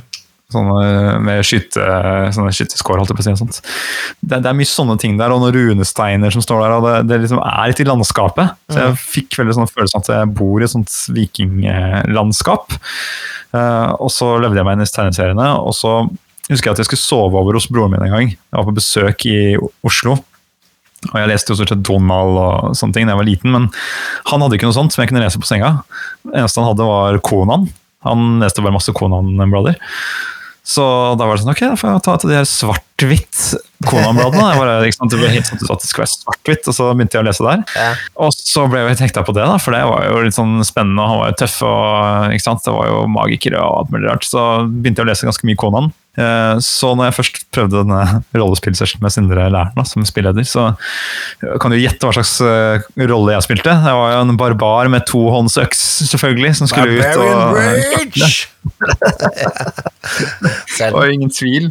Selv. Eh, Jeg tror, jeg tror ikke det fantes på bar engang, men jeg var vel fighter, da, sikkert. Ja, ja, ja. ja. ja det, det er ikke noen barbar i Det er ikke noen barbarklasse i, eh, i eh, ADD second edition. Hvis du ikke har da eh, Fighters eh, handbooken, som du kan ha en sånn egen kit for å Du kan spille Ja, barbar, det hadde jeg ikke, for da var jeg bare med. Men, men jeg skulle være konaen, ikke sant, så ja, hoppe inn i det derfra. Mm. Pluss at jeg hadde jo da spilte vi også Hero Quest, som jeg har jo snakket mye om. Ja. på podcasten allerede. Det brettspillet hvor man, som er en sånn minirollespill, skråstrekk brettspill. Mm. Uh, og det spilte vi veldig mye. Det syntes vi var veldig kult, selv om det var litt sånn clunky spill. Og de, da var det jeg som var spillederen, på en måte, og jeg som hadde spillet. Og så ble de jo jævlig gode, disse spillerne mine, etter hvert. For de fikk jo så mye bra utstyr. ikke sant? De tjente jo gull hver gang de Ja, ja, ja. gjorde runde level, så etter hvert så var det jo De bare gikk rundt med armbrøst, som er tydeligvis det mektigste våpenet i spillet, og bare fu, fu, fu, tok alle, og så ferdig, liksom. ja, ja, Det var ikke så spennende. Nei, nei, nei. Jeg tror vi bare spilte det én gang, jeg. Da var jeg yngre. Det- Ja, nei, jeg spilte ganske mye, altså. Så det, det ble min, min rollespillintro der, da. ja, ja. Og så gikk jeg inn i dataspillverden, og da var det jeg spilte jeg liksom mye av disse Blizzard-spillene. Diablo 1 var liksom det første spillet som jeg spilte veldig mye. Mm. Uh, og de som ikke kjenner det, så er det mørk middelaldersetting, hvor du basically går inn i en kirke for å løse noen oppdrag. Som har flere nivåer nedover, som blir til en krypt, som blir til noen huler, som blir til helvete. Helt Ja, når du kommer nederst. Nå skal man drepe Diablo, da. Djevelen. Eh, og Det spilte vi veldig mye, og da begynte vi også å få litt sånn internett i hus, så vi kunne prøve å spille online Mm. med helt fremmede folk. og måtte, det, Alt her var en helt ny og veldig spennende verden. Uh, men, um, og Warcraft 2 også, som er det mest strategispill, Starcraft og sånt, uh, spilte vi mye. Men det som var at det fulgte jo med en sånn håndbok til alle disse spillene ja. en sånn Players eh, handbook, og da sto det gjerne litt sånn historie om verden og sånt.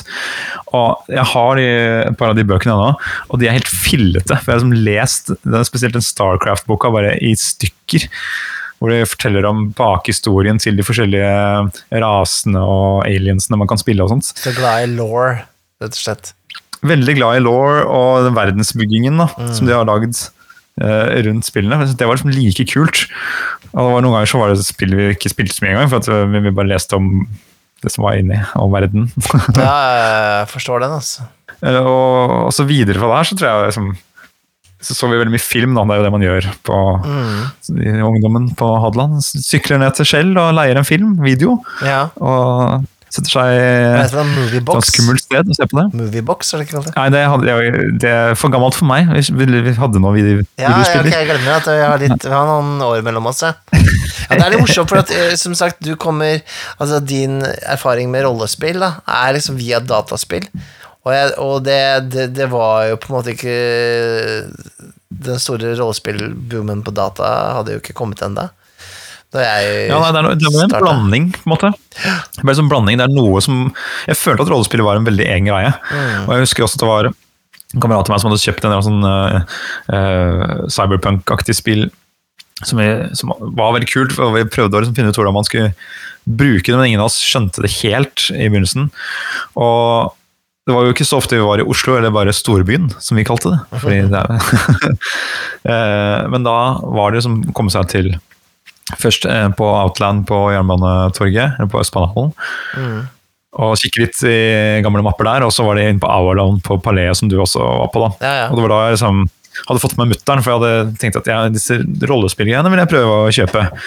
Og det var da jeg kjøpte disse to bøkene. da.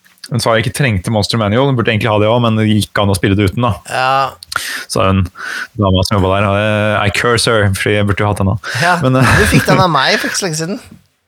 Ja, stemmer det. Du fikk endelig komplettert sammenhengen her. Ja, jeg ga deg, en, jeg ga deg min, min ekstra Monster Manual som jeg bestilte meg på eBay. Men det som er kult med Players Handbooken, at hva er det vi har på forsiden der? Jo, det er en diger barbar Det er det, vet med en svær øks og hønn.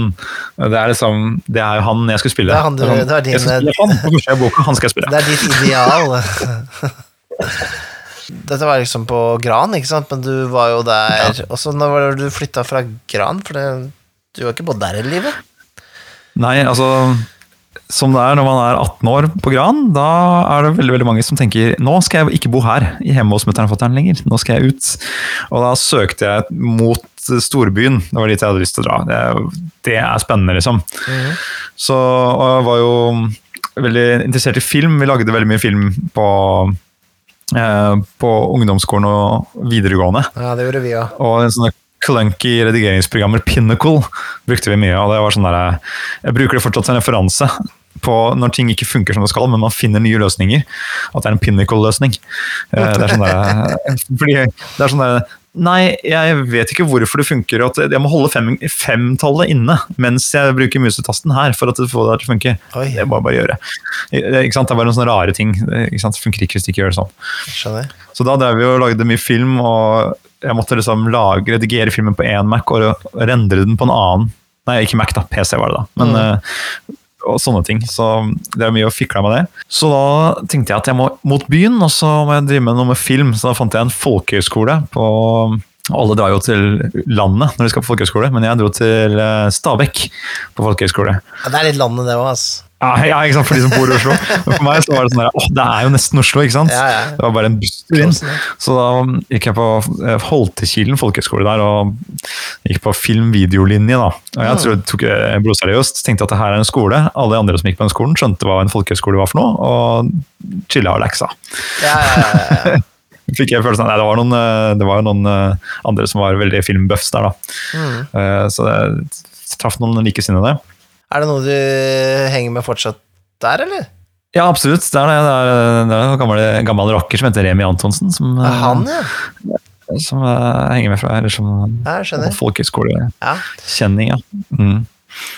Var det vel derfor så flytta jeg til Lillehammer mm. for å studere videre. Da studerte jeg ut av byen, altså?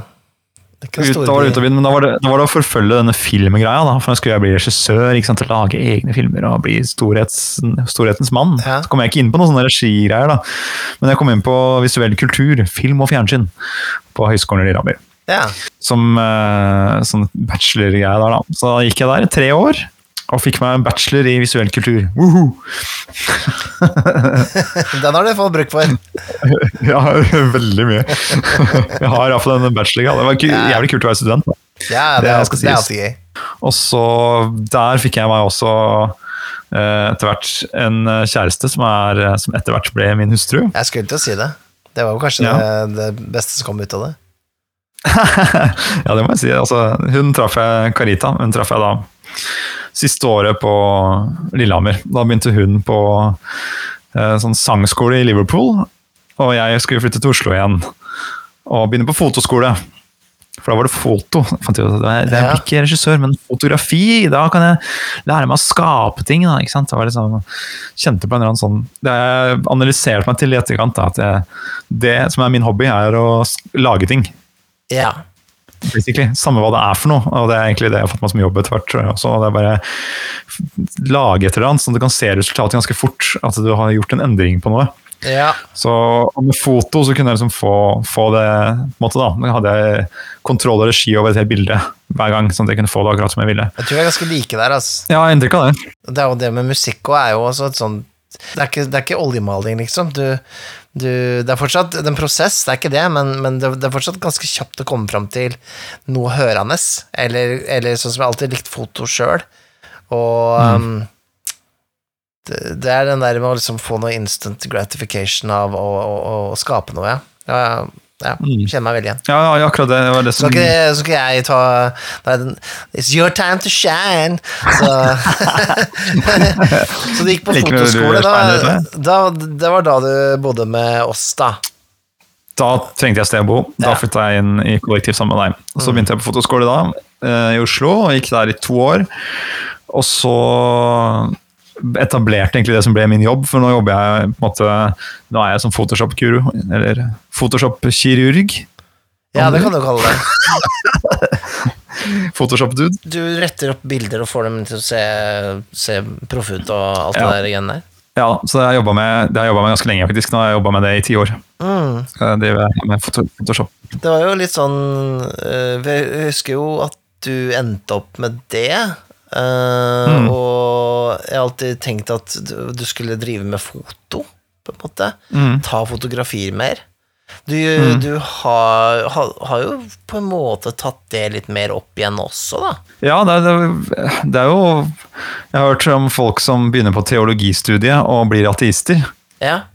Ikke sant? Jeg tror det, er litt, det kan være litt sånn med den fotoskolen også. at liksom, Noe av det som var spennende, var liksom den mystikken med fotografi. og Hvordan fungerer dette kameraet egentlig, og lukker og blender, og hva er alt det her, og så mye kult man kan lage. og så Etter hvert når man kan veldig mye om det, så bare, ah, ikke sant, så skal du leve av det. ja, nettopp, Du skal ikke bare lage kule ting, du skal eh, på en måte, du må finne de jobbene. da. Mm, mm. Og så er det veldig mye av det Veldig, veldig mye av fotografjobben er jo ikke å ta de selve bildene. Det er veldig mye eh, farting rundt omkring, ringe til folk. Hvor er du?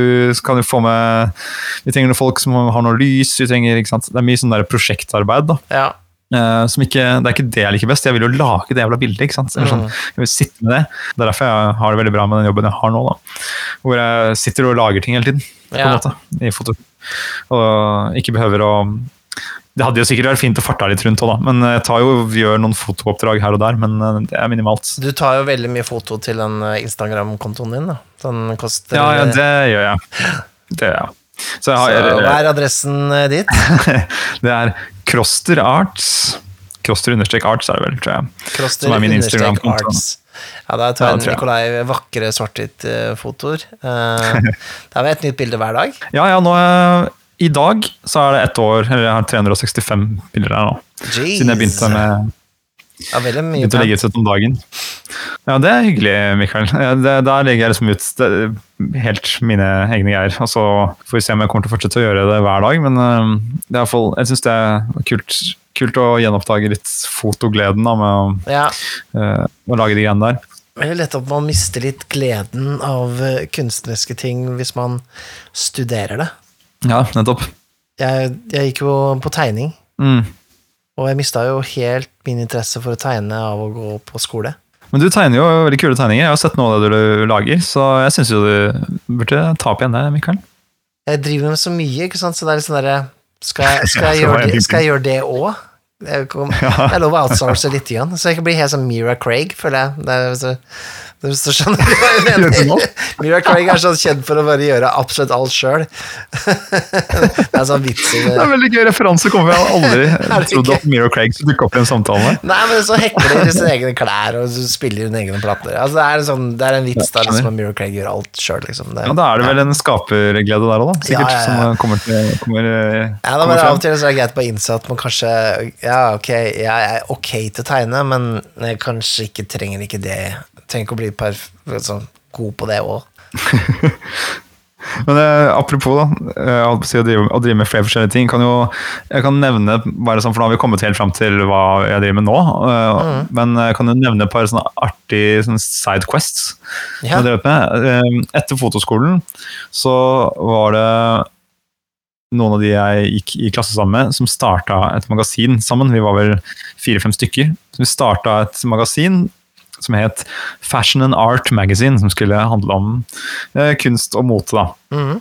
Ja, det skulle være et litt sånn derre eh, Ja, rett og slett et sånn kult eh, blad, rett og slett, med fotografier. da.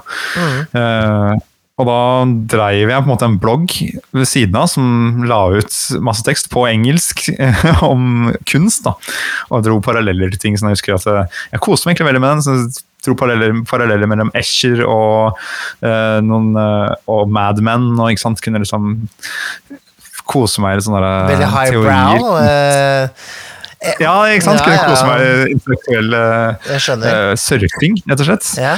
Uh, og også det bladet her var liksom, hadde foto som hoved, hovedfokus. da.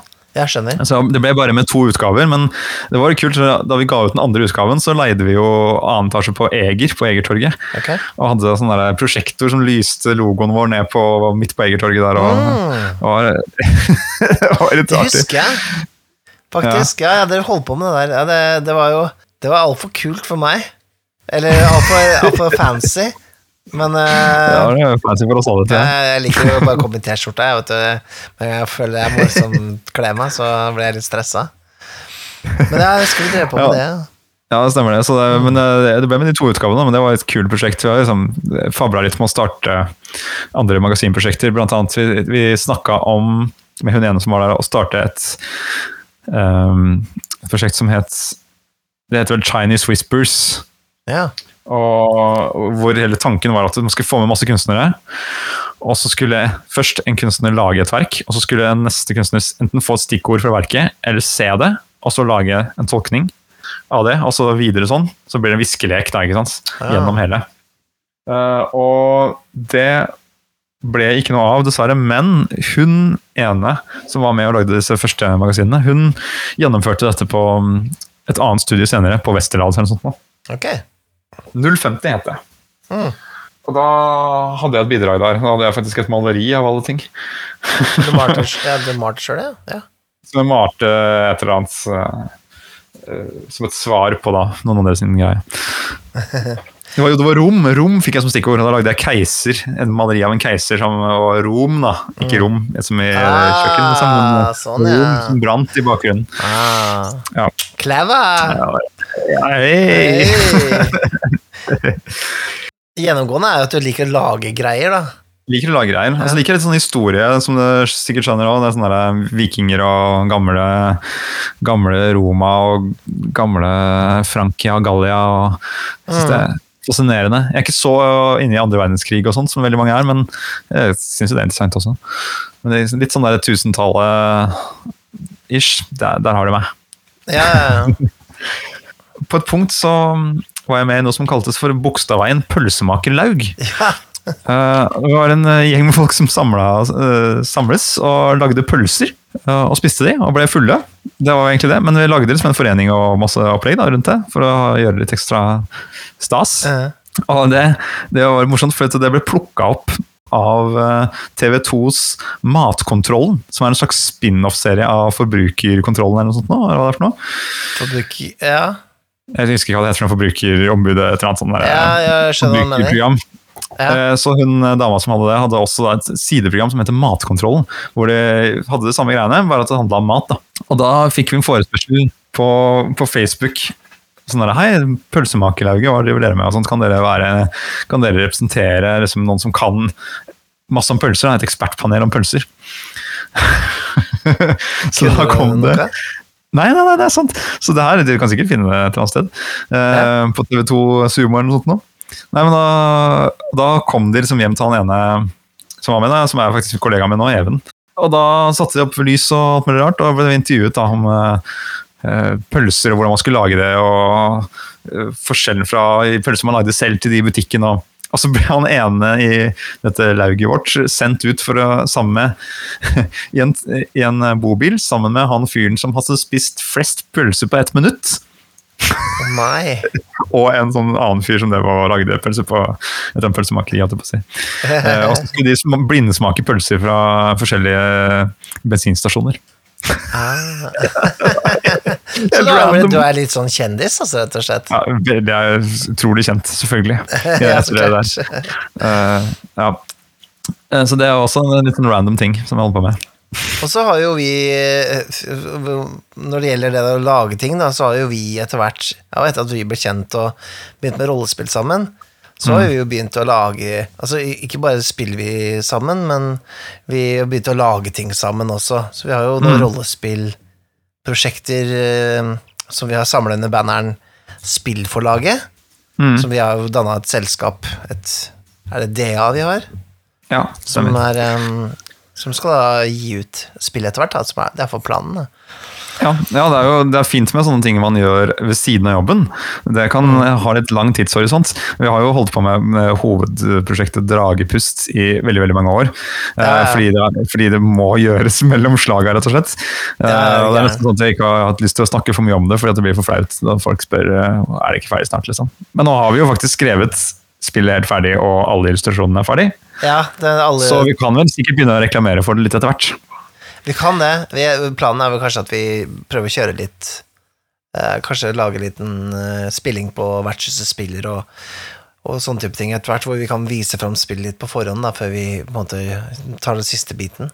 Og så har jo du, Mikael, skrevet eh, et spill også, bare smelt sammen, som heter eh, Hakkesølv. Eller heter det Mørketid? Mørketid heter det. Jeg likte Hakkesølv, jeg. Hvorfor ble det ikke Hakkesølv, da? Eh, fordi at uh, Nei, det, det blir ikke så Det blir ikke så kult. Uh, jeg liker Jeg bedre er kult. Alt med ordet hakke i seg, det syns jeg er Ja, kult. Men jeg har vurdert å kalle det, det på engelsk, da. Hack silver. Ja.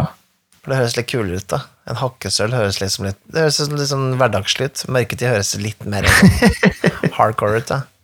Ja, altså, vi, ja, vi har jo laget disse spillene. Altså, det er jo Mm. ja, De er mer eller mindre måte, ferdig på en måte. Mm. altså, de må vi, vi må spille de mer, for vi må spillteste de og finpusse dem og sånne ting. Um, Mm. det, er vel, det er vel litt det der. Uh, og så planlegger vi jo å prøve å få til å gi ut dette her, da. Altså, så ja, våre interesser for å skape ting har jo møttes Dette samarbeidet har jo da ført til denne podkasten her, og versus spiller, og alt det der. Så det er, Ja. det er jo en, det er en bromance. Et like, Mikael. Et like. Altså, det her, dette her burde jo egentlig vært første episode, det her. Den, denne episoden. Hvor man eh, Ja, ja, finner ut om ja, det var det jeg sa. eh, Ja. Mm. Vi, Men vi, viktig. ja, vi, kan jo, vi, kan jo, vi kan jo på en måte gjøre det, da. Vi kan bare kalle den for episode én, og så Ja, vi gjøre det. den tilbake. Altså, det, det her er en ting jeg har lurt på, for jeg skjønner jo folk spiller jo rollespill på mange forskjellige måter, men blir man venn med de rollespillerne man møter, eller spiller man rollespill med vennene sine? For jeg føler at det her det er to forskjellige leire. Ja, kommer litt an på hvordan du er sånn sosialt, da. Jeg, jeg Mm. vet jo at man kan jo spille i Det jo rollespillere som kanskje sliter med sosial eh, omgang, som finner litt ro i rollespillet som en slags sånn sosial kontrakt. Mm. Ikke sant? Man kanskje har Det kan være forskjellige grunner til det. Det kan være angst, og det kan være eh, også Hvis man er på Spekter og sånne ting, så kan det å ha en, en slags sånn regler rundt det sosiale være ganske befriende. Mm. Eh, og det er kanskje ikke det så lett å på en måte kobles opp som venner alltid liksom utenfor spillet, da. Nei, Eh, det? Det kan, være en, sånn- det kan være en overgang der som blir vanskelig. Jeg kan skjønne at noen ganger så er det digg å vite at nå skal jeg dra dit. Jeg skal spille rollespill. Jeg skal ikke snakke om meg sjøl, jeg bør ikke tenke på livet mitt. Jeg skal bare gjøre dette, og så ferdig. Jeg kan, jeg kan godt skjønne at liksom noen ikke behøver den der, De har kanskje ikke til og med lyst til å bli spurt om ja, åssen går det egentlig med deg. da, Hvor bor du, og hvem er du? Og for, nei, jeg har ikke lyst til å ikke grav i det, liksom, men bare Mm, mm. jeg har lyst til å være denne, dette, denne halvorken i dag. Det ja, den Ja, ja, ja. Jeg, jeg ser den at du rømmer litt fra eget liv og sånne ting, men jeg, Mm. ja, jeg, jeg, har aldri vært helt der. Jeg, har fått veldig mye gode venner gjennom rollespill, og jeg fortsetter å møte folk gjennom rollespill, og syns det er en fin måte å være sosial med andre folk på, jeg. Um, Det er jo veldig mange fine folk som er rollespillere. Det syns jeg ja, jeg har møtt uh, veldig mange. Veldig mange flotte. Ja, og blant annet, da, apropos han som vi da bodde med i kollektivet en liten periode, eh, Ole Peder. Ja. Så jeg Ja. var øh, en, en tur hos her om dagen og spiste middag sammen med Katrin, øh, som også var med på, og, og kona hans, eller kone? Er det gift? Jeg er litt usikker. Nei? Nei? Det er hans kjæreste, da. Samboer. Astrid. Som også har vært med på podkasten. Ikke sant? Ja. Mm. Jeg tror det kan være en veldig fin måte, da, i dag. Eh, La oss si Hvis du flytter til Oslo, da, eller en annen storby, og du ikke kjenner så mange, kanskje rollespill er en løsning? Komme seg inn på en av disse klubbene, eller ikke sant, Adventures League, da, som jeg nevnte tidligere. Mm. Eller, eller bare søke etter noen å spille med på rollespill.info. Mm. Få liksom eh, en, en liten sånn sosial uh, vennekrets, eller iallfall mulighet til å, å få det, uten at du måtte liksom igle deg innpå liksom, på treningssenter, liksom. Så Den er jo ikke så lett å møte. Står du litt terninger på tredemølla, liksom. Det er jo ikke så lett å få nye venner, venner i voksen alder, heller. Og det er liksom det å spille rollespill er jo en måte å gjøre det på, da, tenker jeg sånn. Jeg syns det, definitivt. Men Mikael, altså apropos Ole Peder. Apropos Itras by. Vi lager jo eh, nå i disse dager eh, Vertshuset spiller Itras by i hvalfiskens buk. Stemmer, stemmer. Og i den forbindelse så har vi en Konkurranse! konkurranse. Stemmer. Hei, hvor kult er ikke det? Vi har en konkurranse! Folk kan jo vinne ting! Ja, og da har vi jo fått eh, eh, Vi har jo da fått et eksemplar av boka eh, og kortstokken, tilhørende kortstokk til spillet, av Outland forlag, som gir ut dette her.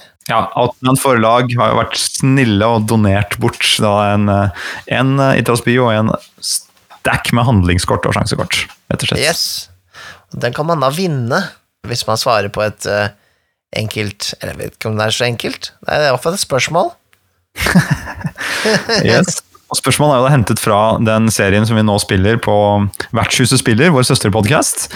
eh, og det er rett og slett Hva heter sjåføren til den søkkrike Bolgemann Blyg? Jeg gjentar. Nei. Og hvis man vet svaret på det, så kan man sende svaret til post at spillforlaget.no. Er du sikker? Ja. Og så, riktig svar, sender det til post at spillforlaget.no. Stemmer, stemmer. Og da trekker vi jo en vinner i rundt den, de tider hvor, eh, hvor podkasten avsluttes, tenker jeg. Ja, altså Altså siste Eh. episode sendes. Idrettsby. Mm. Det er jo en stund til, da. Så for å få flest mulig til å svare her. Um, men ja, det Som sagt, det er Itrasby er fantastisk. Det er jo også et norsk rollespill, så det er jo bare å støtte opp rundt det, tenker jeg. Mm. Så står navnet mitt inne i boka. Gjør det det? Oi, Ja. oi, oi. Ja, det gjør det. Ja, men da, det vi gjør da, at vi trekker jo en tilfeldig vinner fra alle de som svarer riktig på dette spørsmålet. Men er det Det ligger jo en haug med papirer papir her allerede. Er det, har folk begynt å sende inn svar? Det er ikke fra konkurransen, i hvert fall. Jeg tror det Er er, disse her prestene igjen, jeg. Å ja, du, jeg hører de jo nå. Ja, da kommer han gående, gitt.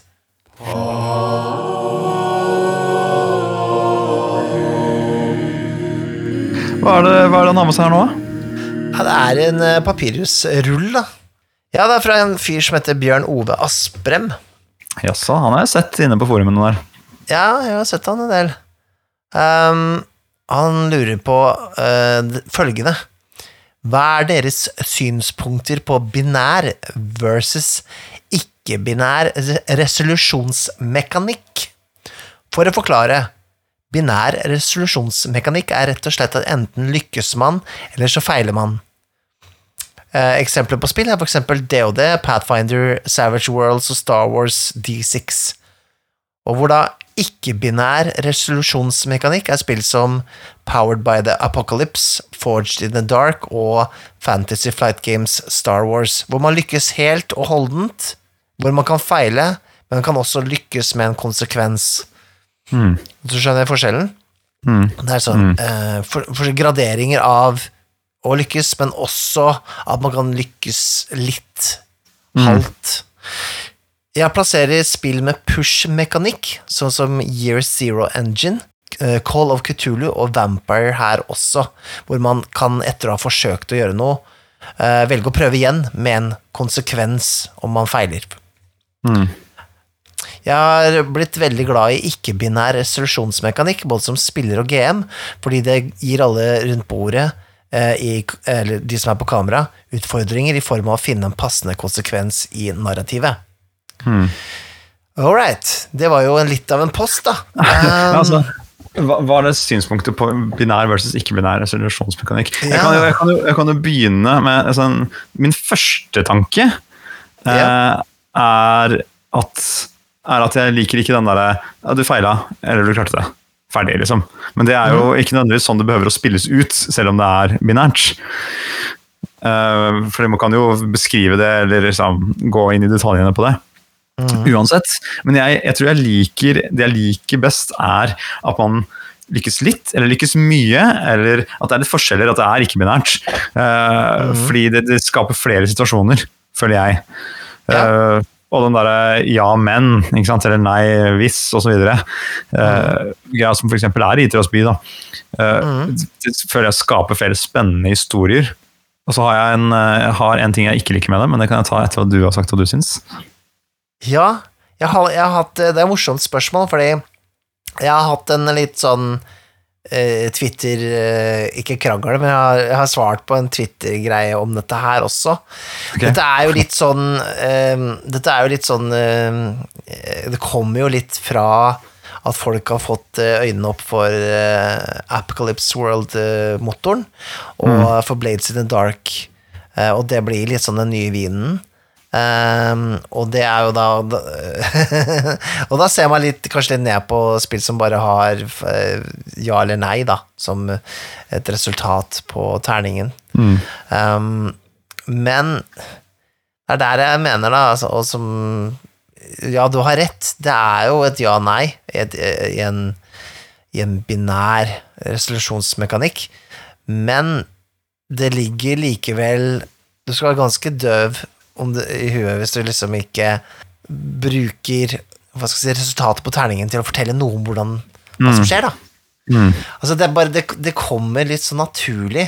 Og hvis du tenker på liksom hvordan, hvordan eksempel Dungeons and Dragons eh, var et sånn skatt som et spill som var bare bones, og man la til husregler, og man eh, fylte inn hølene, på en måte, i regelsystemet, så kan man likevel anta at, eh, at eh, disse spillene spilles eh, ikke-binært når det gjelder hvordan resultatene blir.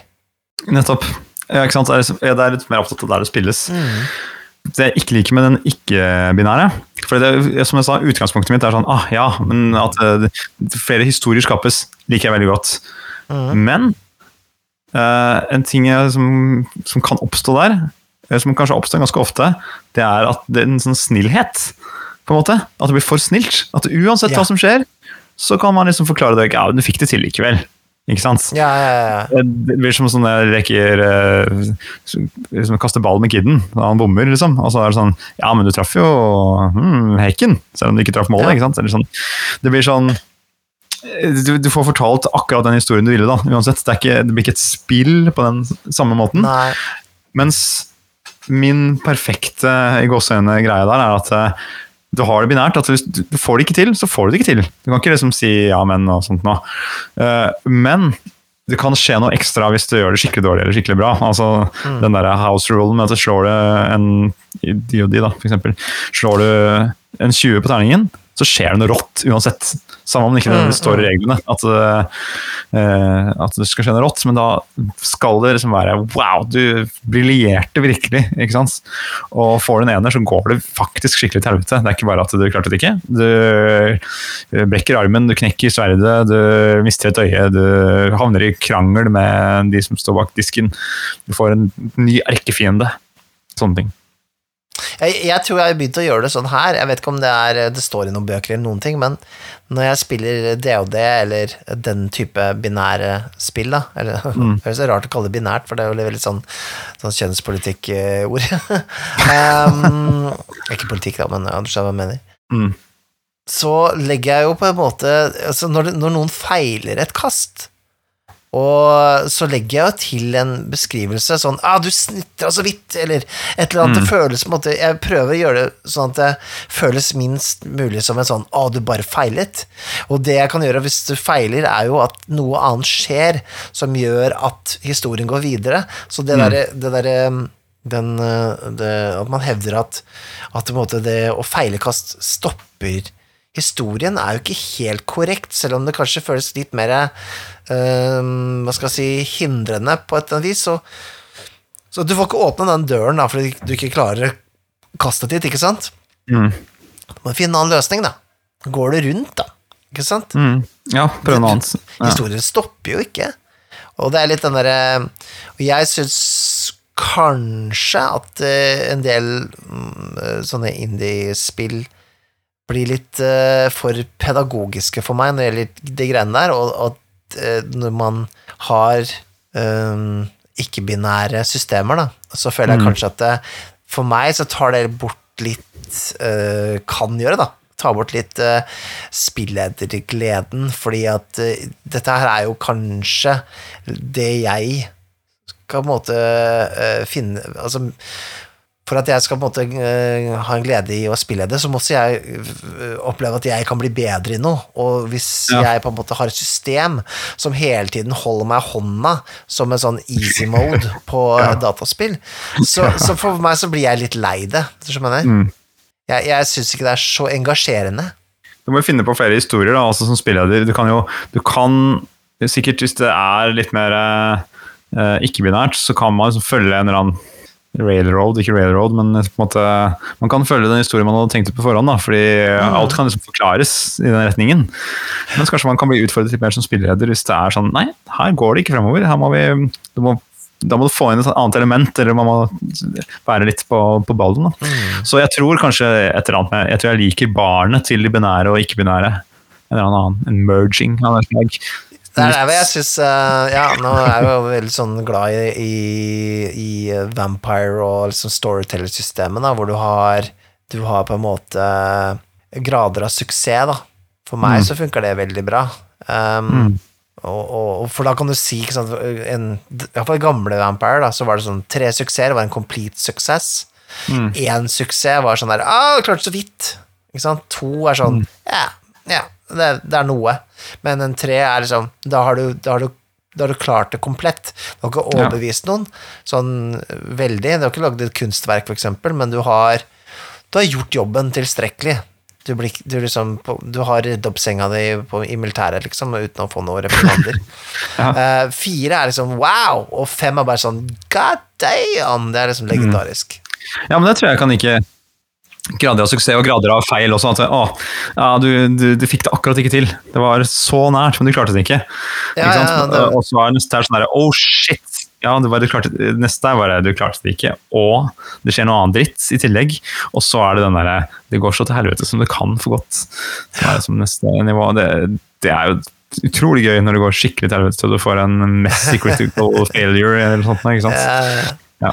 Ja, det er jo litt annerledes i nyeste Vampire, på en måte. Der har du jo antall suksesser du får. eh, det er vanskelighetsgraden, da, så det er litt annerledes. Men Mm. eh, der har du jo den push-mekanikken. Eh, Det har du for så vidt Ja, push-mekanikk, da. Så det var et annet tema. Men det liker jeg ikke. Push-mekanikk liker ikke det? ikke. Nei. Eh, Det funker eh, eh, i Call of Cthulhu. Hvordan, Hvordan syns du det funker der, da?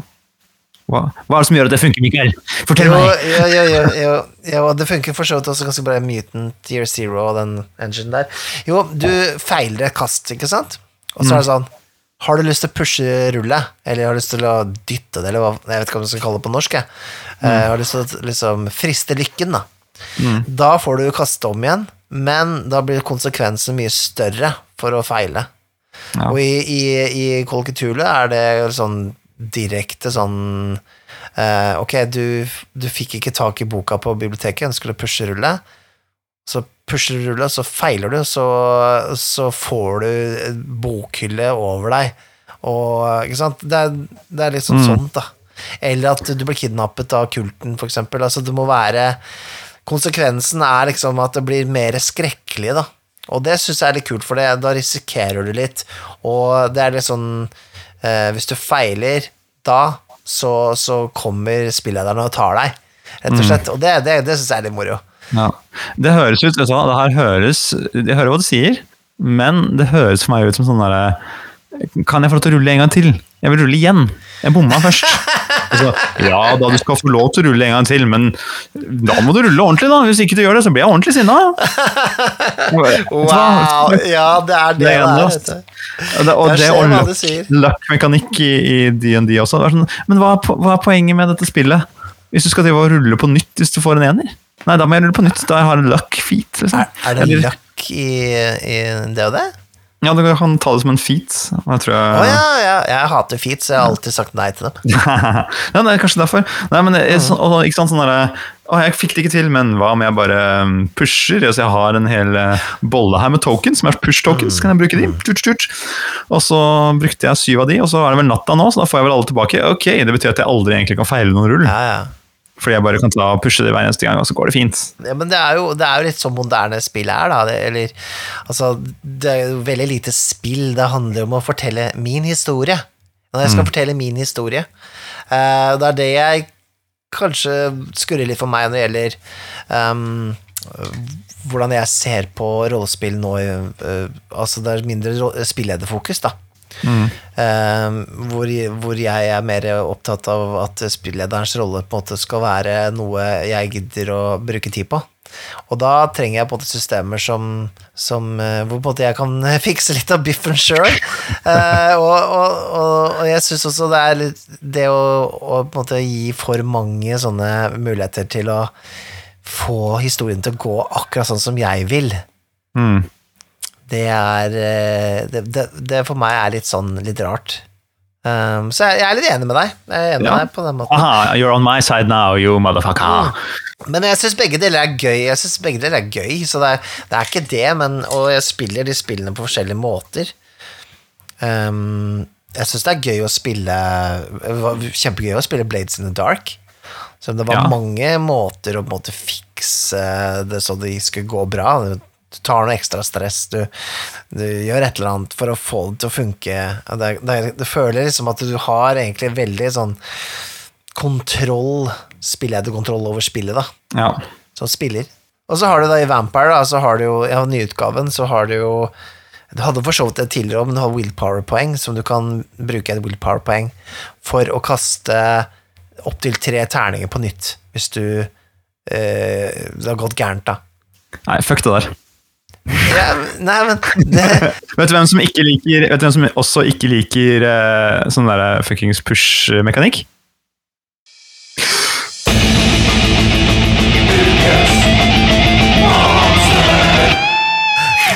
Jeg var sikker på at du skulle si Roland, jeg. Jeg tror ikke han liker noen push-mekanikker heller. Nei, Det tror jeg ikke. Han er, han er veldig old school. Han er jo en push-mekaniker, han. Ja, han er jo det. Men hvem er det som er ukens monster? Hva er ukens eh, monster, Nikolai Kroksrud Strøm? Arr. Nei, Jeg trodde det skulle være et kjempestort, skummelt monster som skulle trampe inn her, men så er det jo ikke det. se, der borte i kroken der. Ser du det? Det er masse trær Ja. og masse monster er som vokser oppover veggen. Og så er det Er det ikke den musikken, den der, Den sangen fra Fra um, Fight Club? Den slutten på Fight Club, Ja. eh, vet du? Den derre Stop! Det, var, Det stemmer. Det hva jeg mener? Den derre Ja, Pixies, er det ikke det bandet heter? Pixies, stemmer. Det er akkurat det der. Det er, ah, det er Pixies som er eh, monsteret. Det det er masse pixies. Det er jo det vi kaller for feer i gamle dager på Hadeland. Eh, småfolk med vinger, rett og slett. Sånn litt sånn sommerfuglvingaktig. De er et slags, slags fefolk som eh, liker å finne på, finne på faenskap, rett og slett. Sånn knytte skolissene dine sammen og eh, bruke litt magi her og litt magi der og virrer rundt og er på en måte noen slags søte nisser, på et vis. Ja. Tingeling i, eh, i Kaptein Krok-filmen, Peter Pan-filmen. Ja, ja, riktig, riktig. Mm. Tingeling er en sånn eh, pixie, vil jeg si. Men er feer alltid liksom sånn er det, er det pene damer? Er det det som er greia? Det kan eh, være både menn og damer, det, så vidt jeg vet. Ja, det bare, det alltid jeg tenker på sånne bilder av det, så tenker jeg liksom sånn, litt sånn eh, pene, pene jenter. Og Det er sikkert det fordi det er de du har tegna da du drev med tegning på Hamar. Nei, men jeg, så, det som manneferie jeg kommer på, er de der eh, fra um, Det var ikke ferie engang, men de, de fra Willow-filmen. Å, det har jeg ikke sett. Husker du de? Har du ikke Nei, jeg har sett de? Det er ikke sett det. Jeg- det er sånn småfolk. Ja, det var litt sånn feaktig. Ja. Jeg ser for meg at mannefeer, eh, eller mannepixier, de er møll. Kanskje det. Kanskje det. Nei, men det er, liksom, det er ikke så veldig mange Jeg har ikke sett så mange bilder av mannefeer. Men eh, de, de, er sikkert der, de òg. Jeg vil jo tro det. Altså, de her eh, Jeg, vet- jeg kjenner jo til Manic, Manic Pixie Girls. Oh god, hva er dette for noe, Mikael? Det her høres ut som en Det- fetisj. Det er en sånn derre Det er en sånn eh, Hva skal jeg si? Det er sånne sånn ting man kan skamme seg over fordi at man har, har eh, vært litt sånn besatt av eh, når man er eldre. Uh, nei, det er, det er sånn trope. Det er sånn, egentlig en filmtrope. At det er den okay. derre litt rare jenta i nabolaget. Som, okay. som liksom Som ikke er som de andre jentene. Og hun er en manic pixie girl. Ja, for hun er så, så crazy, da, vet du. Hun er så gæren. Hun, eh, Ja, ja, litt sånn gæren, men hun er ikke sånn der, Hun er ikke som de andre. Litt spesiell. Ja. Det var, det var den spesiell Den, den ultimate pixie Manic Pixie Girl er vel uh, i Garden State. Hun eh, Ok. Hva er det hun heter for henne? Eh, jeg glemmer navnet hennes. Natalie Portman i den filmen. For hun er liksom sånn Hun digger liksom vinylplater og er liksom der. Hun er sånn, med sånn Hun er sånn der, hun, der, hun passer veldig godt for, eh, for liksom en viss sånn der demografi av eh, gutter, da. Som, som bare Åh, jeg liker ikke andre jenter. Men liker hun. Ja, så, ja, ja, nettopp. Det er sånn det er som sier på Hadan Jaså, skal du være så innmari spesiell? Ja. Bare ha det bort og drive med noen ordentlige ting. ja, men det var en digresjon. da Pixies, det er kult. Um, det er jo ikke noe du slåss mot. Du kan ikke drepe en pixie. Du kan fange en pixie, kanskje. Ha på glass. Jo, men jeg, Du kan vel slåss mot dem. De har, eh, de har hitpoints. Alt som har hitpoints, kan drepes, som jeg pleier å si. Kan det spises? Ja, det vil jeg absolutt tro. Jeg, altså, tok, jeg tok jo frem denne eh, pixien som jeg holder i hånda her nå, eh, fordi det, jeg har et poeng. og Det er jo at det, første gang jeg, det var nesten et av de første monstrene jeg møtte på. Var jo da Jeg spilte ADHD med Sindre Læren som spilleder. Og vi gikk inn gjennom en eller annen skog på vei til den hulen vi da skulle utforske. Og så eh, er det noen sånne feer som dukker opp sånne, og flyr rundt oss. Og så og erter disse rollene. Og så tror jeg selvfølgelig han der store barbaren jeg spilte. Vi tenkte at disse her må jeg hogge ned med øksa mi, men de flyr jo bare unna. Og så begynte de da å fyre av noen uh, formler da, på oss. Så vi fikk store ører og sånn lang nese som hang ned til navlen. Og masse sånt. Og så stakk de bare av. Og så ble vi stående der da, med rare kroppsdeler som vi hadde tror jeg, liksom, resten av det eventyret. Det var litt gøy.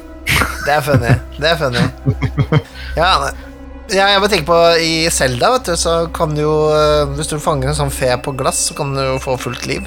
Tenkte jeg at kanskje hvis du går ned og spiser de Han i en stuing eller Det er slemt. Ja, Det er slemt. Men hvis du er chaotic eh, evil, da, Ja, så bør du kunne få lov til det.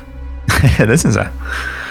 Og så har du spillet Changeling The Lost, eller jeg tror det heter det. Det er forskjellige Changeling-spill, men det er iallfall et sånn eh, World of Darkness-spill. Hvor du Mm. kan spille feer. Ah, ja, nettopp, ja. Yeah. Jeg Ja, jeg kommer jeg ikke til å kjøpe den med en gang, merker jeg. Nei, det er det som er litt sånn Åh, det er så vanskelig å selge inn nå. Iallfall hos Jeg vet ikke, men alle sier det er så bra. Altså, det. Changeling, så, så er det litt sånn derre Alle sier at det er dritbra, men jeg bare Skal man spille feer? Er det ikke litt rart? Er ikke, det er liksom ikke varulver, det er ikke vampyrer, og det er ikke spøkelser, det er ikke, det er ikke trollmenn eller en hekser, men du skal spille fe? Vet du hva, Det Det er er, veldig sånn- morsomt når du sier det på den måten der. Bare, Hæ? Varulver er greit, men fe det er veldig litt for mye for meg. Nei, men jeg har liksom ikke Det er, ikke, ok, det, er det eneste på en måte sånn av disse greiene som jeg ikke kan eh, tenke på en skrekkfilm eller et eller annet, da. Og jeg kan relatere til, det- til det på noen måte. Feer kan jeg liksom Jeg har ingen popkultur jeg kan ta og liksom sånn, Hvordan er det å spille det spillet her? Nei, jeg har ingen Jeg har ingenting jeg kan ta tak i. Du har, jo, du har jo Peter Pan, da. Altså, jeg tenkte Jo, Når du sa det der å fange en fe altså, Jeg ser for meg at jeg spiller en slags uh, La oss si, la oss ta historien videre. Kaptein Krok vinner over Peter Pan og alle disse Lost Boys. Han fanger uh, Tingling, og så eh, på en måte eh, er jo han en mektig pirat, og han prøver å få tilbake den hånda si, så han begynner å holde på litt med magi og sånt nå. Etter hvert så blir han en slags warlock-type.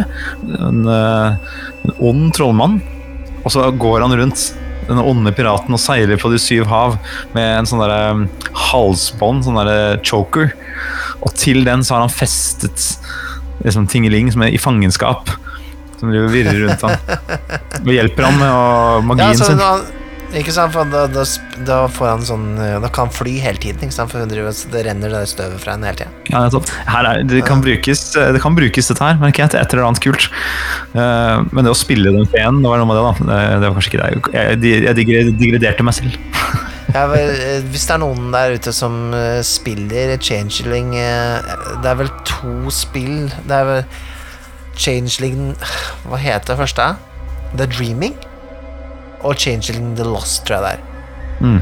Så vil jeg gjerne være med en gang. For jeg aner ikke hvordan man spiller det, og jeg har ikke tålmodigheten til å bare sitte med og lese en sånn murstein bare for å se om det er noe jeg er interessert i.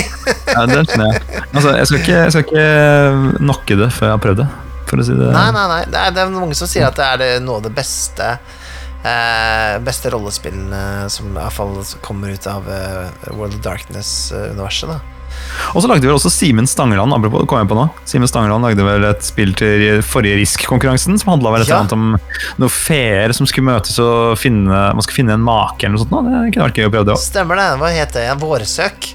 Ja, vårsøk. Vårsøk, ja. Stemmer det. Så det kan dere sjekke ut hvis dere er ute etter det. Ja, ligger på rollespill.info nettsiden. Du kan si det er en slags changeling light. Ja, det kanskje det er der. Nei, Men, men, nå har vi jo eh, mye her, Mikael. Vi har snakka om oss sjæl.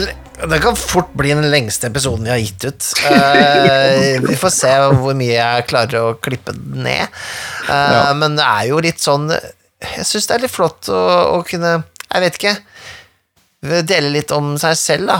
Og, og jeg vet ikke, som 41-åring å se litt tilbake på På hva man har gjort i livet, og det, er jo, det er jo litt interessant. Jeg vet ikke. Altså, det, det er jo gøy at uh, den lengste episoden, da, det var den vi skulle snakke om oss sjæl. Jeg ser opptatt jævler. Nei, men Beklager, det, var, det ble kanskje litt lite faktisk rollespillprat i denne episoden her. Eh, men, men sånn får det gå, da. Det, det, får, det får skje en gang blant det òg. Um, Hei, hey, jævler! Jævla, jævla kuk Mikael og jävla, jävla mordrotkukfjäs. Roland, dette var da nye skjellsord.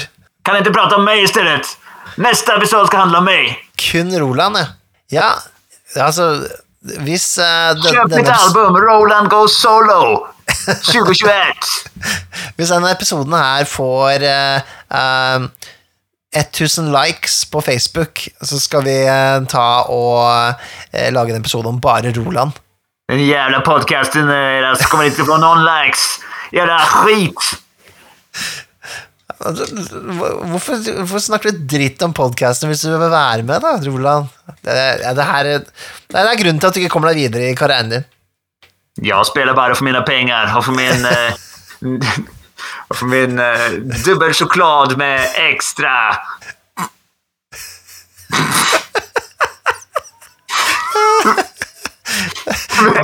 med hva da?